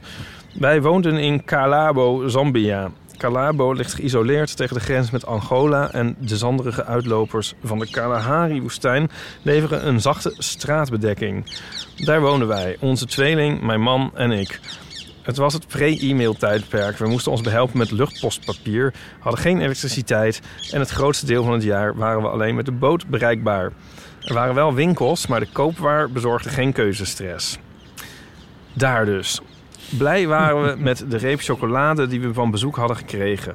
En zo had ik op een avond de wikkel daarvan, zilverfolie, in mijn hand toen ik iets uit onze aardedonkere slaapkamer moest halen. Want geen lampen, geen elektriciteit. En plots werd mijn hand nat. Dat was op zijn minst merkwaardig, want behalve geen stroom hadden we daar toen ook geen stromend water. En het was niet eens de regentijd. Het dak lekte niet of zo, dus dat kon ook niet de oorzaak zijn. Ik had meteen hier, hier meteen een sterk niet-pluisgevoel. Eh, Zoals Ipes shampoofles toch niet zomaar bedenkt, ik ga ergens anders liggen. Ik keerde op mijn schreden terug en later gingen Jan, mijn man, en ik gewapend... Jan, mijn man, en ik gewapend met een zaklamp schoorvoetend kijken wat er aan de hand kon zijn. Het spul op mijn hand was ook deels op mijn gezicht en lippen terechtgekomen en was bitter. Ah, In de slaapkamer belichten we alle hoeken en gaten... tot we in een hoek achter een opgerolde rieten mat de slang ontdekten. Oh, nee. Het was een spitting cobra... die de flonkering van het chocolade zilverfolie in mijn hand als doelwit had gebruikt. Later werd ons verteld dat spitting cobra's hun prooi uitschakelen... door hun gif te richten op de schittering van je ogen. Toch mooi gered door de chocola. Dit was mijn vreemde dieren in huis Wow. bijdrage. Hartelijke groet, Gerda. Oh, want ik zat al te denken van, ik dacht er, dat er iets aan het likken was. Maar ik dacht, ja, maar dan voel je dat toch ook. Maar dit is omdat er natuurlijk op je gespuugd wordt. Ja, oh. of plassen, maar ja. Oh, man. Oh, wow. Oh, dat is echt wel heel heftig. Maar ja, ze heeft het over, overleefd. Anders zou ze het niet meer insturen. Ja, nou, Ja, Wauw. dat doet me ook heel erg aan Jurassic Park denken. Want er zit ook zo'n spitting dinosaurus in die dan ehm, Newman van eh, Seinfeld eh, in zijn gezicht spuugt. En dat je niet, want dat zat ik me. Er was toch laatst die eh, wetenschappers die gereconstrueerd hadden hoe snel die dino's konden rennen. En dat bleek dat ze eigenlijk helemaal niet zo hard konden gaan. Oh ja, Dat, dacht Ja. oh, dat zou, kan je nu altijd zo Jurassic Park en zo. Nou, zo hard gaan ze niet hoor. ja, ja. ja. Hoe hard gaan ze dan? Kunnen we dat bijhouden? Op de fiets? Ja, volgens mij kon je ze er wel uitrennen, toch? Ja, nou ja, je weet het toch ook niet zeker, toch? Nee, het was al Ja. heel erg speculatief. Dat is echt zo heerlijk. Zo van, ja, Ja, wij weten nu... eh, Want, want in mijn... Anne, Anne Schulp, toch? Bij jullie? Of bij ja, bij Naturalis? Naturalis en hij is in Utrecht eh, hoogleraar. Dat is wel eh. grappig, want Anne komt uit Sneek. En ik heb met zijn, zijn broer was bassist in Oh, onze nee. band. Ja. Nou, heeft Anne niet ook heel veel voor de VPRO gedaan? Het is toch, eh, het is eigenaardig en bijna occult. Uh, Het is wel leuk, want eh, hij deed ook altijd best wel veel dingen inderdaad over dino's. Ja. En mijn kinderen waren toen op een gegeven moment ook meer fan van Anne Schulp dan van Freek Vonk. En toen kwamen een keer Anne ergens tegen bij, oh, bij Avi Fauna. En toen waren mijn kinderen helemaal zo, oh, Anne Schulp. En toen stond Anne daar ook zo heel ongemakkelijk onder te zijn, maar wel heel vriendelijk. Dat was echt heel leuk. hij is, hij is heel erg aardig. Ja. Hadden jullie in je Twitterbubbel ook die eh, eh, over hoe snel nijlpaarden dan eigenlijk konden zijn? Of kunnen zijn? Weet je Nee. dat ook? Nee? Oh, ik had de Dit is hele... een Mijn, leeuw mijn trouwens. Twitter... Dat hoor je me heel zelden. Oh, Hoor je? die nu aan de deur rammelt. Ja, dat, dat, daar ben ik ook hoorde door Nee, afgeleid. nee. brul. Nee, nee, Nee, ik hoorde de brul net ja, van Artis. Ja. Wat hoorden we? Brullen? Het brul van de leeuw. Oh, echt? Ja. Oh, ik, ik miste het. Ik, hoorde, ik dacht ook dat de deur eh, gerammeld werd. Nee, dat rammelt hier wel door Oh. de wind. Nou ja, eh, ja, het doet er ook niet toe. Maar ik, had- bij mij ging het op Twitter de hele tijd over nijlpaarden. En er was er een filmpje van een nijlpaard die achter een speedboot aan zat. En nijlpaarden die doden 2900 eh, mensen per jaar en zo. Maar het filmpje met die speedboot dat stond later ook op de NOS. Omdat de NOS eh, ook voor al het nieuws Misschien gewoon op Twitter keer- kijkt. Misschien zouden we een keer een dag moeten ruilen. zeg dat je ik nou een keer weer? jouw account doe. Oh, zullen we dat doen?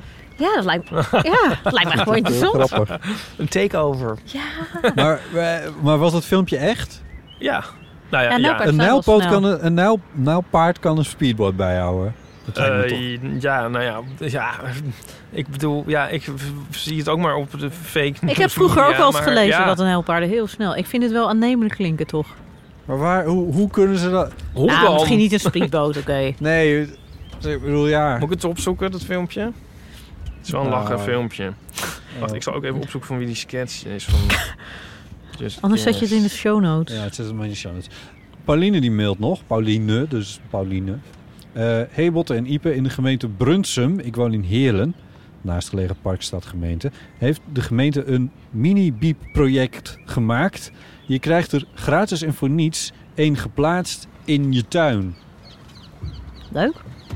Kreeg je dit mee, Ipe, wat ik net Ja. zei? Oké. Eh, en dan staat een link bij. En die link die eindigt met goed voorbeeld mini-bieps tegen laaggeletterdheid en ontlezing. Dus er is- zit wel een idee achter, zeg maar. En eh, dan vraagt eh, Pauline nog iets, ook iets voor je in Amsterdam. Of om een kijkje te nemen. Dus of even naar Brunsum komen. Nu laat je een filmpje zien van een nijlpaard die een speedboot bijhoudt. Eén. Oh, hij, oh, hij hupt er zo bovenuit. Ja, als een soort beetje dolfijn doet hij het. Onwaarschijnlijk hoor. Ja, nou ja, goed. We hoeven het... Ja, nou ja. Ja, ik vind toch... Ik, ja. En dat Just Guess komt uit de Catherine Tate Waar haalt hij die show. snelheid dan vandaan? Hij moet zich toch tegen iets afzetten? Ja, hoe Gaat hij- is een haai snel? Hij kan op land ook Omdat dan- 48 km per uur rennen. Lees ik nu hier. Ja. Het is ook... Vind ik ook best snel. Dat is wel snel, ja. Ja. Ja. Ja. Maar... ehm, Nou ja, goed. Oh ja, ik wou nog zeggen, ik heb een keer heel leuk in een eh mini-biepje iets verstopt. En toen, eh, ik had een column over Easter eggs. Dat was naar aanleiding, ik denk van Ready Player One. Dat is zo ook, eh, Ja. nou ja, een leuk boek. Er is later ook een film van gemaakt. Maar er zitten ook allemaal dingen in verstopt. Dus zat ook in Ready Player One een soort raadsel verstopt. En als jij dan naar die site ging, kon je ook iets heel cools winnen. En toen had ik een column geschreven over dus dingen waarin iets leuks verstopt zit, waarmee je iets kan winnen. En toen waren de eerste letters van die column waren een hint naar een mini-biepje in Leiden. Want ik wou iets doen. Hoe heet dat ook alweer? Acro... Ja, acroniem. Nee, ja. Heet het zo? Nee, het zal wel. Ja. Ja, toch? Dat de eerste letters van de column... Ja, Ja. Van de, ja, dus per zin, ja. Of misschien ook wel de hoofdlet. Nee, ik denk de eerste letters van een zin. Anders was het echt te lastig om de constructie goed te krijgen. En ik had bedacht dat ik het dan ergens wel in de buurt van mijn huis wilde verstoppen. Want ik wilde het dan vlak voordat die column uitkwam verstoppen. Maar ook weer, ja, dat ik dan niet inderdaad helemaal naar de andere kant van het land hoefde. Maar ik wilde het ook niet eigenlijk bij mijn eigen huis doen. En er staat bij ons aan de zeil een heel mooi klein mini-biepje aan het water. Ook, en ook een beetje op een moeilijk te bereiken plek. Je kan er niet met de auto komen. Dus als je je auto neerzet, moet je echt nog een stukje lopen. Ehm, maar dat was dus echt heel cute. Want ik had, het was toen met Pasen. En toen had ik er drie boeken ingelegd. Dus eh, met een briefje van mij. Van nou, voor de eerste drie die er zijn. eh, en de rest kon dan gewoon de andere boeken die in het mini-biepje stonden. En ik had dan nog een zak paaseitjes. Dat... eh, en toen zaten daarna dus allemaal briefjes met bedankjes erin. Oh, en er waren dus leuk. vrienden die daar vlakbij woonden. En die dus echt allemaal mensen, een soort zo speurend daar langs de zeil zagen lopen op zoek naar het mini-biepje. Ja, het was echt heel leuk. Ja. Ja. Ja. en ook vooral dus heel veel mensen die die column hebben gelezen zeiden... Oh ja, want mijn redacteur wilde hem daarna opnemen in een verzamelboek. En toen zei ik, ja, maar wat doen we dan met die beginletters? Ja. En dan mijn redacteur echt zo... Wat met die beginletters? Ik dacht, nou, ik had die hele column eigenlijk alleen maar geschreven voor die beginletters. De rest boeien. ja. Dus, eh. Staat hij erin? Nee. Nee, nee, maar dat was, nee, we hebben toen nog wel bedacht van... zou ik hem dan om moeten schrijven nadat hij naar iets anders leidt? Of zo? Maar ja, dat schiet natuurlijk niet op. En mensen lezen dat boek op andere tijden. En Ja. eh, nee, dus uiteindelijk hebben we hem niet gebruikt. Nee. Is er net een... Ja, dit is een domme vraag, de domme vraag. Maar is er net een nieuwe columnbundel uit van jou? Nee, nee ehm, Oh. er komt wel bijna een nieuw boek uit... met eh, Edward van der Vendel en Floor de Goede, een Oh, kinderboek. Ja. En daar moet ik morgen de drukproef van gaan nakijken. Oh, dus wauw. eh, ja, oh, is echt nerve-wracking, ja. Ook wetenschap, communicatie gerelateerd? Eh, het heet Rekenen voor je leven. En het is voor kinderen van een jaar of 10, 11. En eh, ja, het is echt heel tof. We hebben er ook echt, oh, we hebben er zo lang aan gewerkt. Ik zocht laatst terug in mijn agenda. En de eerste keer dat Edward en ik erover gepraat hebben, is dus echt zeven of acht jaar terug. Wauw. En, ehm, en we wilden dat het echt, echt een kinderboek werd. Dus wat ik altijd heel suf vind, dat je wel vaker van die samenwerkingen ziet... dat dan een wetenschapper met een echt goede schrijver een boek samen maakt. En dat het dan een beetje op neerkomt dat je dan een soort kaders hebt... waarin de wetenschapper het gaat uitleggen en daarna gaat het verhaal weer verder. Ja. En dat wilden we niet. Dus het is echt een boek helemaal over een klas... die dan op een andere manier gaat rekenen. Dus de klas komt in opstand tegen het rekenboek... En ze hebben een heel leuke meester en juf in een duobaan die dan gaan zeggen... oké, dan gaan we voortaan de helft van de week het project Rekenen voor je leven doen. En elk kind mag één vraag stellen die iets met rekenen te maken heeft, maar die ja, wat voor hem of haar echt iets betekent. En dan eh, is elke keer, dus, dus dat is dan het begin. En dan is elke keer een hoofdstuk over een kind. Dus dat heeft Edward dan geschreven. Dat is echt fantastisch. Eh, dat je gewoon helemaal snapt hoe zo'n kind is. En daarna komt dan dus die rekenvraag van dat kind. En dat wordt dan dus in een strip in die klas gedaan. Dus ik heb dan het rekenwerk en de uitleg gemaakt. Maar daarna heeft Edward daar dan ook echt weer het verhalende in gedaan. Dus dat het ook echt in die hele klas doorleeft. Dat er niet lange monologen met uitleg komen.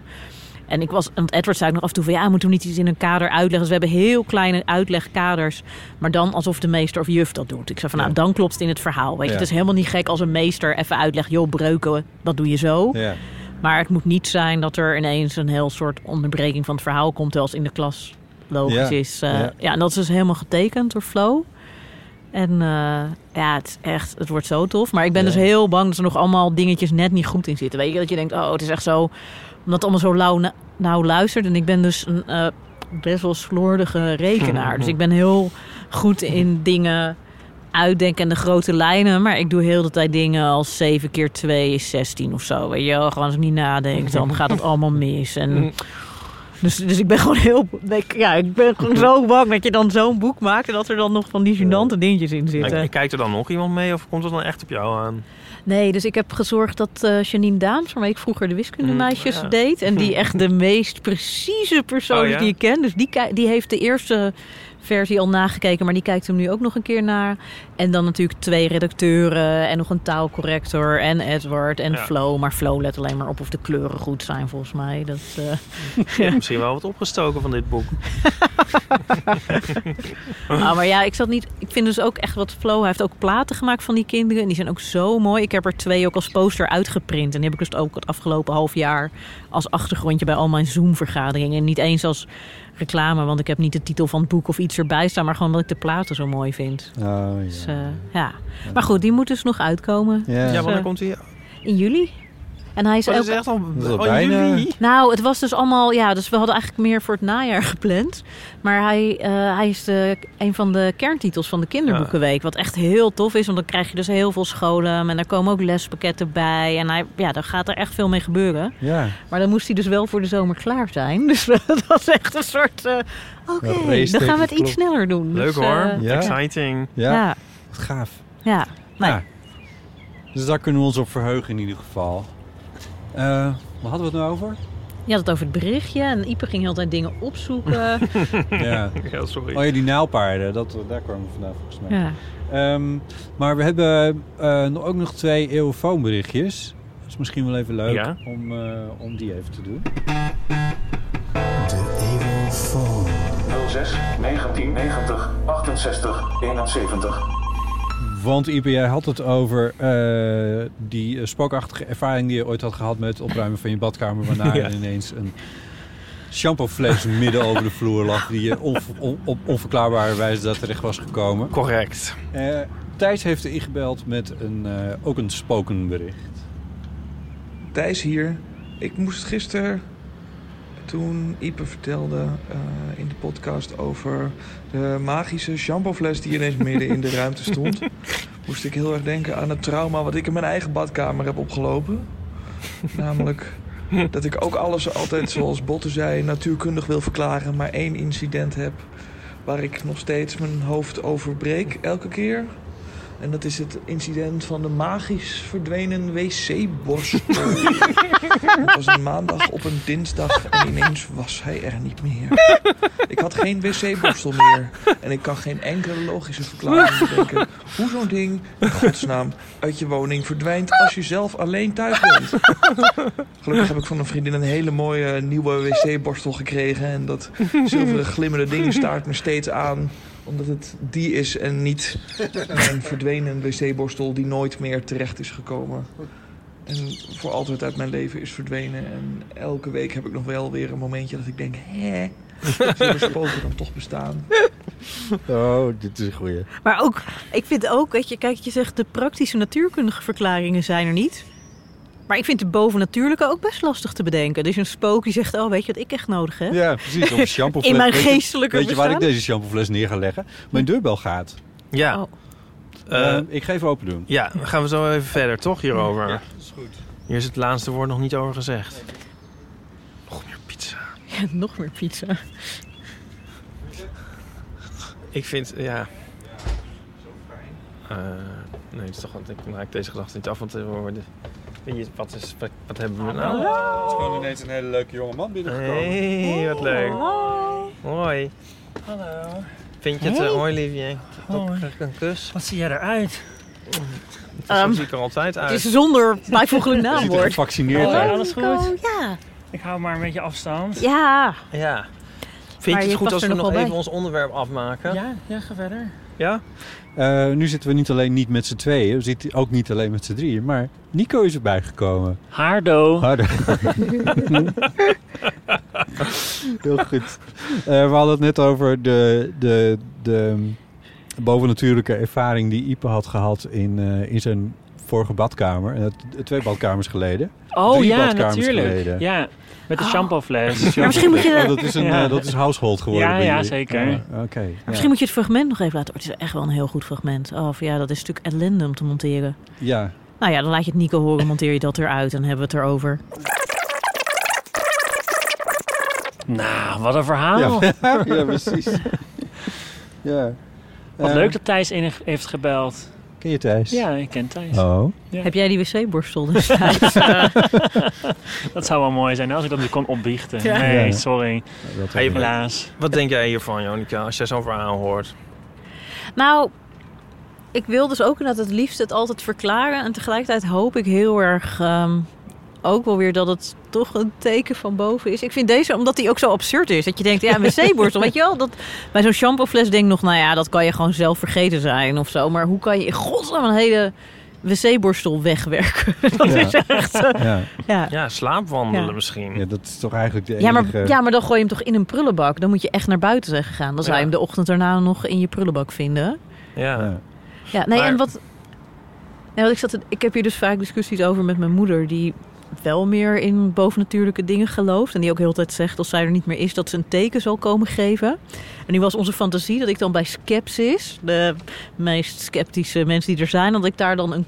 op hun jaarcongres een lezing zou geven. Dat dan tijdens dat congres mijn moeder een teken komt geven. Ik zeg, als jij een teken komt, dan wil ik dat je het dan doet. En dat Ja. lijkt me dan ook wel weer toch ergens een soort...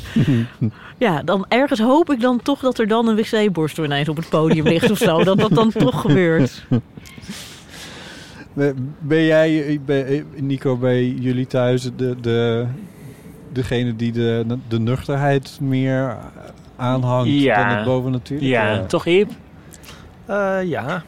Nou, ik wil het gewoon. Ja, dat zei ik vorige keer al. Ja, Ik wil het gewoon heel graag. Ja, dat snap ik ook wel. En als ik dit hoor, dan wil ik ook dat er iets is met die wc-was. Ja, dit is gewoon ook ja, maar bij jou gaat het wel wat verder dan alleen dat. Ik bedoel, je durft ook niet blij te zijn omdat er, je denkt dat er dan iets naars gebeurt. Weet je, dat, dat, Ja, dat is een soort magisch denken, maar dat ja, is...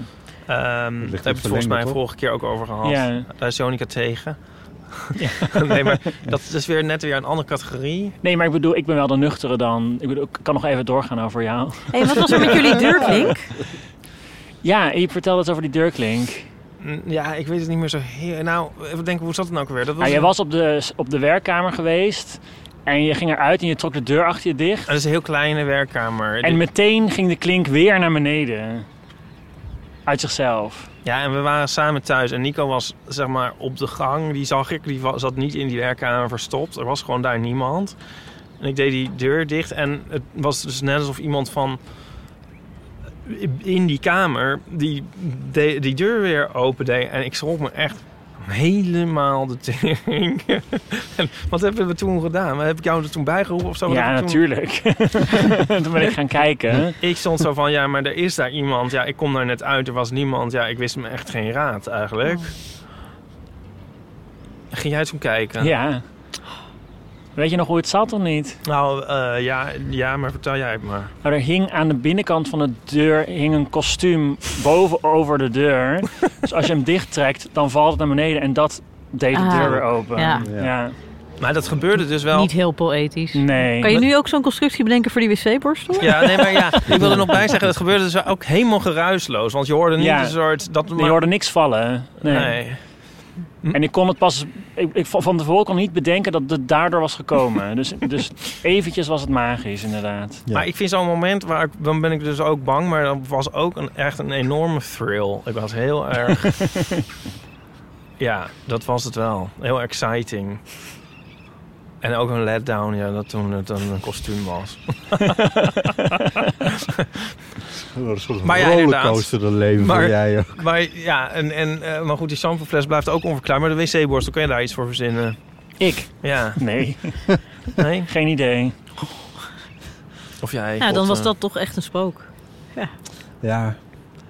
K- Kijk, een wc is in principe natuurlijk een soort afgesloten ruimte... waar niet zomaar dingen in of uit waaien of zo. En zo'n wc-borstel zit doorgaans in een houder. Ik bedoel, ja, weet je, je kan nog iets bedenken... met dat het aan het touwtje hangt en weet ik veel. Precies, je spoelt hem ook niet even door de wc. Nee. Dus eh, ja, nee, dit, dit, dit zou ik... Nee, maar ik vind het wel fascinerend. Ik hoop heel erg dat het inderdaad een prank is. En dat vrienden dit hebben gedaan. Dat die ooit zijn reservesleutel hebben gekopieerd of zo. En dat die ze hebben gedaan die zich nu al jaren hier een soort grinnikend Ja. over wanneer draait hij door. Amelie, eh, eh, truc Ja. is het, nee. En het dan niet meer durven vertellen. Maar ik vind het een goed verhaal ook omdat het zeg maar niet op sensatie inspeelt. Het is zo. ehm, hè, het is Het is gewoon. het minst sexy op. ja, maar dan maakt, vind ik. Wat, maar, eh, het, zoiets vind ik dan veel plausibeler of zo. Dan, eh, of veel leuker om over na te denken dan als iemand zegt: ja, in een, eh, in een eh, wolk van licht verscheen ehm, de Maag Maria. Ik zeg maar wat. Dan denk ik, ja, het zal wel. Maar hiervan denk ik van... Ik bedoel, ik neem aan dat het niet van A tot verzonnen is. Die borstel is verdwenen, er is een mysterie. Dat vind ik wel leuk. Zeker. Dus heb jij nou ook een verdwenen wc-borstel in huis, luisteraar? Ja. Laat het ons weten op de eeuwofoon. Ehm, we hadden het al even over Naturalis eh, zojuist. Eh, we, we gaan nog even gewoon door, eh, Nico. Ja? Ja. Ehm, want, Ja, want Nico wil, heeft ook iets te, straks Ik heb een verrassing mee. Oh, echt? Voor jullie. Voor, in, voor de luisteraars ook. Oh, dat is heel leuk. Ehm, Kan wanneer je wil. nou ja, zullen we dat... Want we zijn er soort Ja. van bijna. Maar dan kunnen we zeg maar, nu nog even luisteren naar wat wij dan mogen noemen onze huisbioloog. Eh, die bij Naturalis werkt. Ja. Die jullie ook goed kennen, Werner. Eh, die heeft eh, iets eh, ingesproken namelijk. Ha, Botte, Ipe en eventuele gast. Het is eh, Werner de Gier weer, jullie eh, huistuin- en keukenbioloog. Hey, met een eh, verhaaltje over een bijzondere dieren in huis. En misschien is het een beetje vals spelen, maar eh, ik wil het toch even vertellen. In 2018 eh, was ik in het zeer zeer homovriendelijke land eh, Brunei voor veldwerk. eh, waar ik verbleef midden in de jungle van Ulu Temburong. Bedenk je echt diep diep jungle en geen bereik met eh, eigenlijk de rest van de buitenwereld. En hier hadden we een veldstation waar we best wel luxe hadden. Ik ga heel eerlijk zijn. We hadden gewoon een normale badkamer en alles erop en eraan. Het was wel midden in de jungle, maar we hadden eigenlijk alles wat we nodig hadden. Alleen zaten we natuurlijk eigenlijk constant tussen de wilde dieren. Bedenk je niet grote olifanten of wat dan ook, maar eigenlijk gewoon hele kleine vervelende diertjes soms. Nou, jullie kennen me een beetje. Ik vind het eigenlijk helemaal geen probleem. Ik leef daar graag tussen. Alleen een van deze dieren was niet mijn favoriete eh, vriend eigenlijk daar. Namelijk in de badkamer zat een spin eh, bij het raam, dus waar je eigenlijk net naast stond te douchen. Ehm, en dit was geen normale spin, dit was dus duidelijk eh, iets in de richting van een zwarte weduwe. En mensen zeiden al daar van, oké, ja, die zijn echt giftig, daar moet je echt voor uitkijken. Maar ja, dat beest dat begon dus elke keer te lopen als je de kraan aanzette. dus wat we deden is elke keer een, eh, ja, een dood insect van buiten pakken of een een of andere bij gewoon vangen, want die zaten toch echt overal, want die kwamen altijd achter je aan. Eh, en die elke keer in het net gooien, nou, in het web gooien van die spin. Waardoor die spin weer even afgeleid was, zodat jij rustig kon douchen. Dus het was een soort van offer brengen voor het, eh, het kwade demonische beest dat daar in die badkamer zat. Wow. Maar ja, nou, jullie kennen me een beetje, dus ik, eh, ik overleefde dat op zich wel. Alleen, eh, ik was toch weer blij om in een eh, bewoonde wereld te zijn na dit hele veldwerkavontuur. Nou, ehm, hopelijk is het niet te lang. En veel plezier nog met de rest van de aflevering. en eh, groetjes aan de rest. Doei! Dankjewel, Werner. Eh Wauw, douchen naast een eh, zwarte weduwe. Dat is de titel van mijn volgende roman. Ik voor jou zou- wel echt een nachtmerrie, hè, Iep, of niet? Is voor mij een nachtmerrie? Ja. Nou, ik vind spinnen eh, minder eng dan vroeger, Weet geloof je ik. hoe groot ze zijn, deze? Nou, ik heb er net even z- zitten googelen. Ze zijn op zich niet zo groot. Ja, giftig dus, maar niet heel groot. Ik zou dat giftig toch meer doorslaggevend vinden Ja. dan groot. Nee, dat weet ik, maar... Dat- ja. Dan vind ik het ook rationeel om bang te zijn. Als er een grote knuffelspin zit... En, ik, en dan zit je.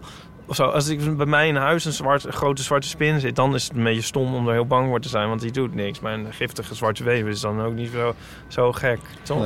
Ik vind het ook wel verbazingwekkend op zo'n veldexpeditie... dat ze er dan ook maar gewoon zo mee omgaan. Dat, je zou toch denken dat ze dan toch wel iets kunnen verzinnen met hem vangen en onschadelijk maken of zo. Ja. Je denkt, dit zijn mensen die er verstand hebben. Dat hij dan ook zo, "Hmm, we gooien een vliegje. kan ik even douchen? Ja. Ja, ja. Ja, ze willen, ja. Ze willen hem natuurlijk niet doodmaken. Nee. Dat kan je, ja. Nou, op zich is wel een van de core businesses van Naturalis... dat ze heel veel dieren hebben die dood zijn. ik weet niet of je dat... eh, Zo'n veldexpeditie is misschien... Oké, ja, dat is wel een goed punt, ja. Maar ik heb er zelf ook eentje dan. Want ik ben dus ooit in Indonesië geweest. Dan hebben ze me verdoofd en in een krat op een boot gezet. Daarheen gebracht. dus ik in Indonesië. En, ehm, Mr. T, ja. Toen kwamen we eh, met, met mijn zussen en mijn ouders. En toen waren we ergens en daar zagen we heel veel... Ja, volgens mij bananenspinnen. Die zijn heel groot, maar die hebben niet zo'n heel super dik lijf. Dat zijn zeg maar niet van die harige, maar wel heel, heel grote. Wel enge. Ehm, en die zaten overal tussen de bomen. Je zat ze heel hoog eigenlijk in enorme webben. En eerst zagen we er eentje en dan was het dan van... "Oeh." En nu deed ik weer dat geluid. En Ja. toen zagen we, oh, nog één, oh, nog één. Oh, ze zitten, er, ze zitten hier overal. Oké, nou ja, dan went het eigenlijk ook alweer heel snel. Want Ehm, ze doen niks. nou, die zitten dan gewoon, ja, nee, eigenlijk nee. Die zitten gewoon in, in, in, te bo- in de boom. Ja. Er loopt trouwens achter jou een pissenbed nu. maar, zie je hem? Nee. Beetje meer naar rechts. Maakt niet uit. Over- over Ik weet niet wat rechts is. Oh, daar. hem, ja. Jullie niet denken dat ik het verzin. Ehm, maar wij, we zagen die op weg naar het, eh, ons eh, hotel. En toen kwamen we dus in het hotel en ik had een kamer met mijn zussen. En eh, toen gingen we even te kijken hoe is de badkamer. En toen zagen we er dus daar ook meteen eentje zitten. En eh, ja, toen dachten we het niet van dan gooien we dan maar eens een eh, vlieg naartoe. Toen hebben we toch maar iemand gehaald van het hotel om te zeggen van... eh, is daar nog iets aan te doen? Willen jullie een goede review? Willen jullie een goede review? ja. Nou, en die is toen, hebben ze toen weggehaald. Hoe, weet ik ook niet. Nou, ik Ja. denk niet dat, eh, dat hij dat heeft overleefd. Ik weet het niet. Ik had een spinnetje in mijn eh, wasbak van de week en die heb ik naar buiten gebracht. Oh, lief. Oké. Ja, maar zijn jullie niet... Ik ben echt heel benieuwd wat Nico voor verrassing komt. Ik Ja. Jullie zijn vandaag bij de vaccinlocatie geweest. Nico heeft er nog drie... eh, Het is, het is feest ja, in huizen Driesen nou natuurlijk. Ja. Nee, Nico, wat heb je voor ons in petto? Nou, wacht, ik ga even daarheen. Ik ben ben ik lang drinken genoeg of niet? Nee, ik weet niet hoe lang je moet worden. Nou, even hier naar mijn tas. Ja, dat kan. Dat red je. Ehm, want vorige keer zaten jullie zo te emmeren over die, eh, over die wijn en, en wat dat dan kost. Ja. Wat het duurste wijn is bij de Albert Heijn en de Gal Ja. En toen zei Ipe, weet je wat leuk zou zijn? Als iemand nou eens langskomt met wat boodschappen en wij gaan raden, jullie dan, Oh, ja, mijn wat god. ze Ik kosten. dacht nog, zal ik een tas boodschappen meenemen? Maar ik kwam door van iets anders. En ik dacht, oh, wat cool, we hebben een tas boodschappen. Oh, dat vind ik echt heel leuk. Yes, yes, yes. Oh, jezus. Oh, dit wordt echt heel erg. Oh, mag ik even nieuw drinken voordat we aan deze Ja, ja, feestelijke zeker. ronde beginnen? Ik zal mijn telefoon hier laten, dat ik niet prijzen van alles op te zoeken. Of wil jij de karaffa vullen? Eh, ik vul een karafje. karafje. Wat wil jij drinken? Eh, ik wil ook wel wat water. water, gewoon water? Ja, ik heb ja, zeker. en zo. Nee, nou, oké. Ja, ik wil dan ook wel een biertje. Ja. Mag dat met je vaccin? Goed. Zo kan je ook gelijk weer je boodschappen van de belasting aftrekken. Dat is toch eigenlijk... eh, Dat gaan we voortaan wekelijks doen. Ja, Kees En daar zijn we weer met de, met de boodschappentas. Ja, Kees Toorn had zo'n lied over whiskymerken... waarin hij dan twintig dure whiskies zong elke avond op het podium. Zodat hij die whiskies daarna dan ook kon aftrekken van de Oh belasting. ja, oh, wauw. Eh, Oké. Ehm, hoeveel boodschappen zijn het? Eh, zeven, Zeven items. artikelen. Zeven items heb ik, ja. Oké. En het idee is dat wij al, ja, jij weet de prijs, neem ik Ja, aan. ik heb het bonnetje. Ja, je hebt een bonnetje. En dat wij drieën moeten raden wat dan Ja. de prijs we is. Misschien opschrijven en dan dan niet aan elkaar laten zien nog. Maar dan moeten we ook pennen voor ons Oh, allemaal jeetje, hebben. Maar we kunnen toch ook wel gewoon zeggen dat we een ja, beetje om de we beurt denken. beginnen. Ja, of op ons telefoon opschrijven. Ja, dan ga je het nu stiekem op We zitten kunnen toch gewoon No per, Nee, oh. per, telefoon artikel, weg. per artikel doen. Dat is toch ook gewoon het leukste dat je meteen... Ja, ja. Ja, joh. Jawel. Ja. Maar ik wil niet al horen wat jij zegt, want dan ga ik gewoon hetzelfde zeggen. En dan moet je even gewoon bedenken, neem Ja, je ik een paar bedenken. seconden. En dan we zeg, het om de eh, beurt. En, en welke supermarkt gaat het om? Albert Heijn. Albert Heijn. En het gaat om de, niet om de bonusprijzen, maar om de echte De prijzen. reguliere prijzen. Ja. Ja, precies. Oké.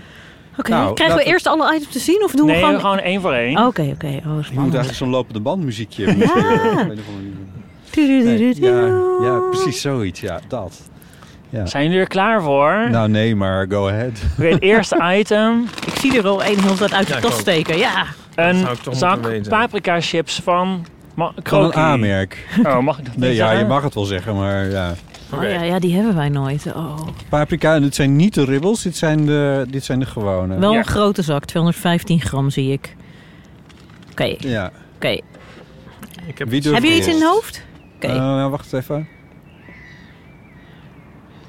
Oké. Ja. Ja? Bij wie zal ik beginnen? Ik zou ze heel snel achter elkaar doen, dan bij moeten we... botten. Botten. 1,29. Iepe. 1,65. 1,69. Die had ik echt, ja. Oké. Ehm, de prijs is... Moet je het al zeggen of moeten we ze eerst alles even doen? Nee, Nee, Oh, dat moet je sorry. toch wel De prijs is 1,35. Wat? Nee. Ja! Botten wint deze ronde. Ah, Damn. het zou veel duurder moeten zijn. Nou, De ik vind wel, het is niet als een politicus die dan zegt... Wat kost het nou, zo'n zak chips? 12 euro. Nee, zo is het Was nog toch laatst niet. iemand die had gezegd van een huis in... eh, wat een huis in Brooklyn kost. En die echt zei, ja... 40.000 dollar of zo, dan heb je toch wel een huis dat je In denkt... Brooklyn? Ja, dat je Ja. denkt, oké, goed. Ja. Ja, er is zo'n heel grappig fra- fragment van Bill Gates die bij Ellen is. En die gaat dan ook boodschappen raden. Ja? En die zit dus overal ver, ver, ver overheen. zeg maar een, een flesje wasmiddel, 20 dollar. en het is echt heel gênant. En zij zit dan heel de tijd hem te helpen. Van de, nee, nee, lager, lager. Om hem een beetje dat eh, te besparen. Ja, ja, ja. Het is echt een heel leuk Oh. fragment. Hij Oh, rekent wauw. natuurlijk inclusief de butler die je gaat Oké, oké, maar wat is het volgende item? Oké, het volgende item is een half brood. Oh, van Le Oh. Ja. God, die heb ik altijd.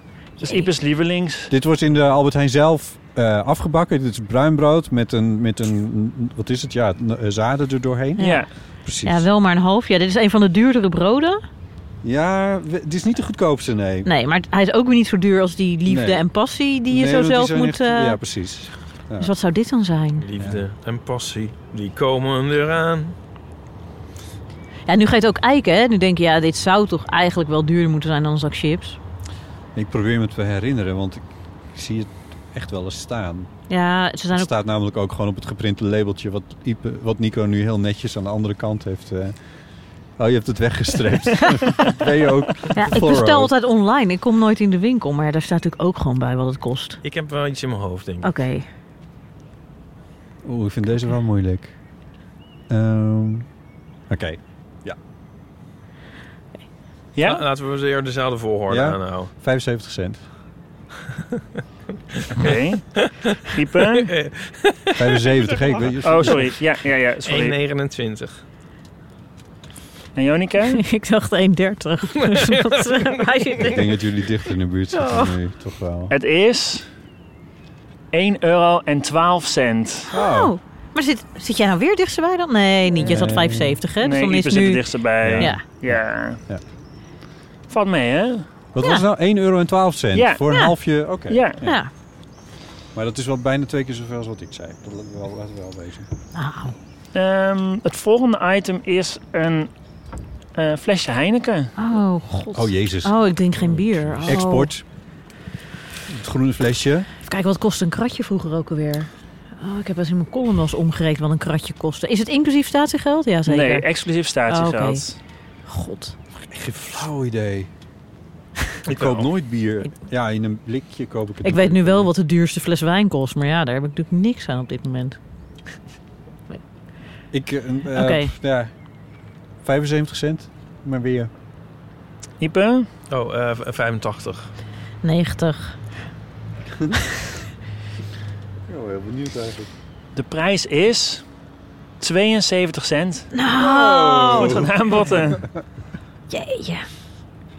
Ook niet duur, hè? Nee, nee, ik vind het allemaal... eh, ik voel me toch een beetje de Bill Gates van dit gezelschap.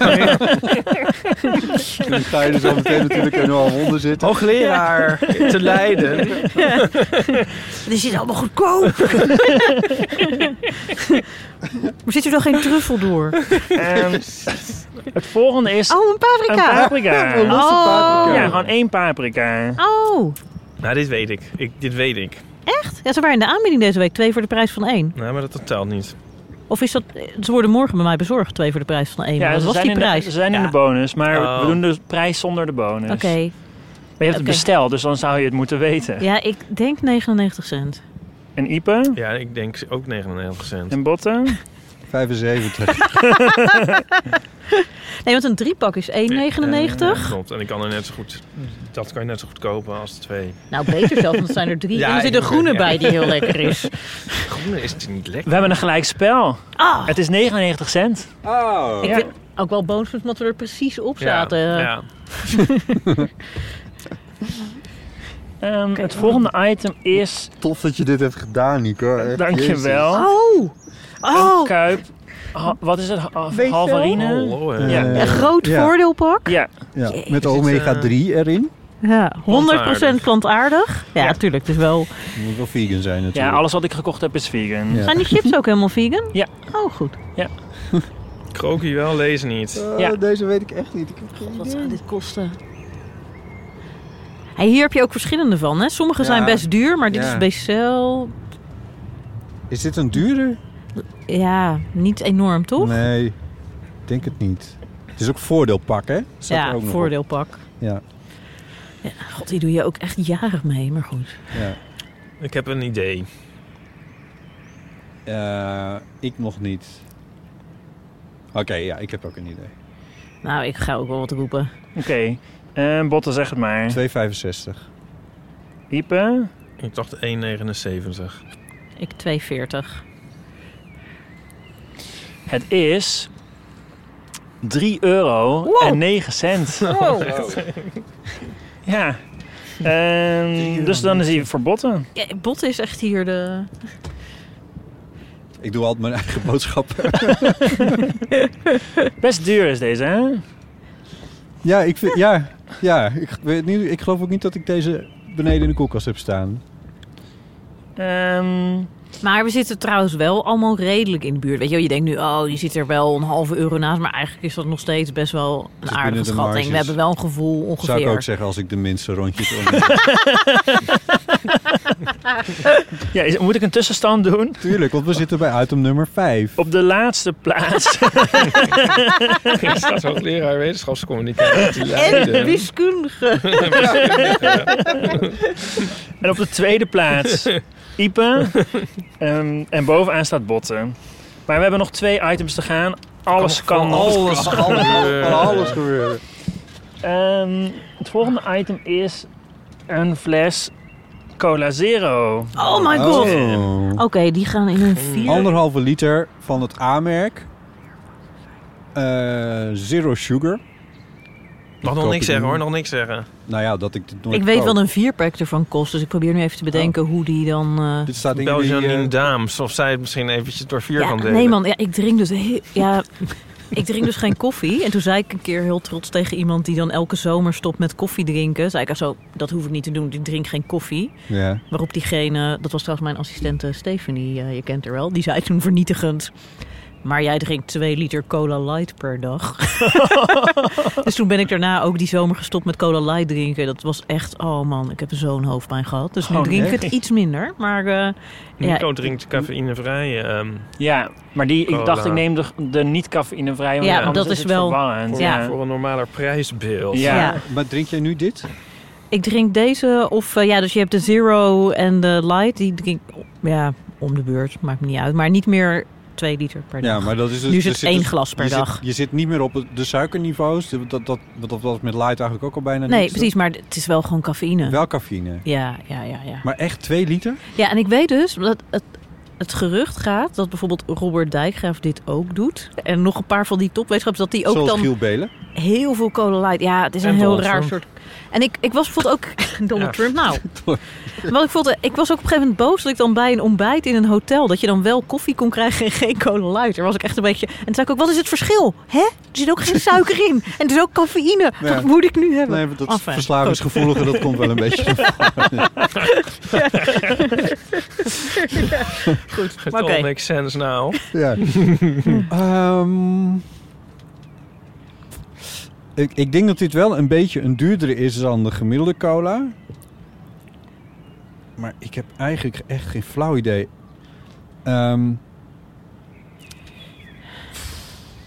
wat zou dat kosten, joh? 2,50 euro. Oké, Iep. 2,40 euro. En Jonica? Ja, volgens mij koop ik dus meestal in een vierpack voor 5 euro. Maar dat is misschien ook wel in de aanbieding. Dus ik denk Ja, dat ze goedkoper nog zijn. Dus ik denk Oh. 1,75 hooguit. Het is eh 2,29. Nee. 2,29. Ja, dus Ipe Dus zit er dichtstbij. Heel goed. Dus het, nu is het eh gelijk spel tussen Botte en Ipe. Ja. En ehm, de, de tiebreaker is Jep, jongens, geheel wat in stijl van de eeuw. is dit. Oh, Oh, een doosje Pickwick thee. Camille, Oh. Camille. 2 van een Ja. aanmerk. Nou ja, Oh, jee. idee natuurlijk. Je moet echt niks zeggen. Ik heb dit nog nooit gezien. Ik heb dit nog nooit gekocht in mijn leven. Oh, ik weet het niet. Ik weet, dat weet ik ook. Ik merk, ik merk ook echt dat ik een ontzettende bonusshop ben voor dit ding. Want ik koop dus de Ja. thee ook alleen als die in de bonus is. Omdat wij dus alleen maar online bestellen. Dus ik wacht gewoon tot die in de bonus is. En wij laten dat, dan wordt het ook bezorgd. Dus dan bestel ik in één keer gewoon tien bakjes thee. En hetzelfde voor Ja. die cola. Dus dat, oh. Hoeveel theezakjes zitten hierin? En is het één persoonszakjes? 20 zakjes. Ja, voor één kopje. Oké. Ja. Nou, Kamille thee dus, hè? Ja. Ja. Maar zou dat heel veel uitmaken? Jawel. Die kruidenthees zijn wel duurder dan de, dan de thee-thees. Geef je wel je voordeel weg nu, eh Botte, door dit te delen.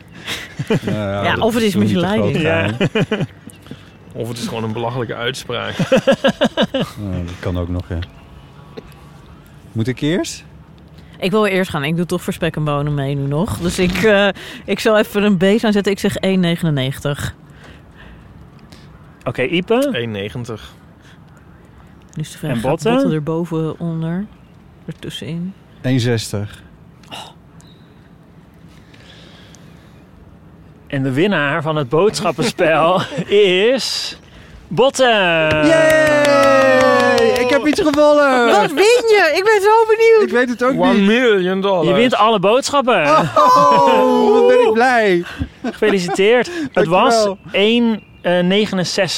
1,69. Nou ja. Best dat is duur, toch? Of, Nou, ik Nou vond het ja. goed. Nee, wij Ja. zaten hoger, toch? nou, zoals ik Ja, zei. we zaten twee hoger, zijn een beetje Ja. duurder Wat zei dan Botte? de gewone thee. En 1,60 zei Botte. Maar wat Ja. zou Earl Grey dan? Dus zou zou dat echt goedkoper zijn? Dat is goedkoper, ja. De kruidenthee was, was duurder. Oh, je hebt ook echt, ja. Ja. En hoe heb je deze eh, objecten geselecteerd eh, in de Nou, ik dacht, ik neem dingen die het meest verkocht worden. Oh ja. Nou, Ik is- ben toch, ja, ondanks dat ik natuurlijk heel erg verloren ben ik toch blij dat ik de paprika dan in ieder geval goed doe. je denkt, nou, hè, daar kan je toch trots op zijn dat je een paprika weet. En het brood vind ik heel raar als je dan bijvoorbeeld 75 cent raadt. Ja, dat is echt, dan zit je echt... Nou. eh, ja. Je hebt gewoon verloren, Iep. Oh ja.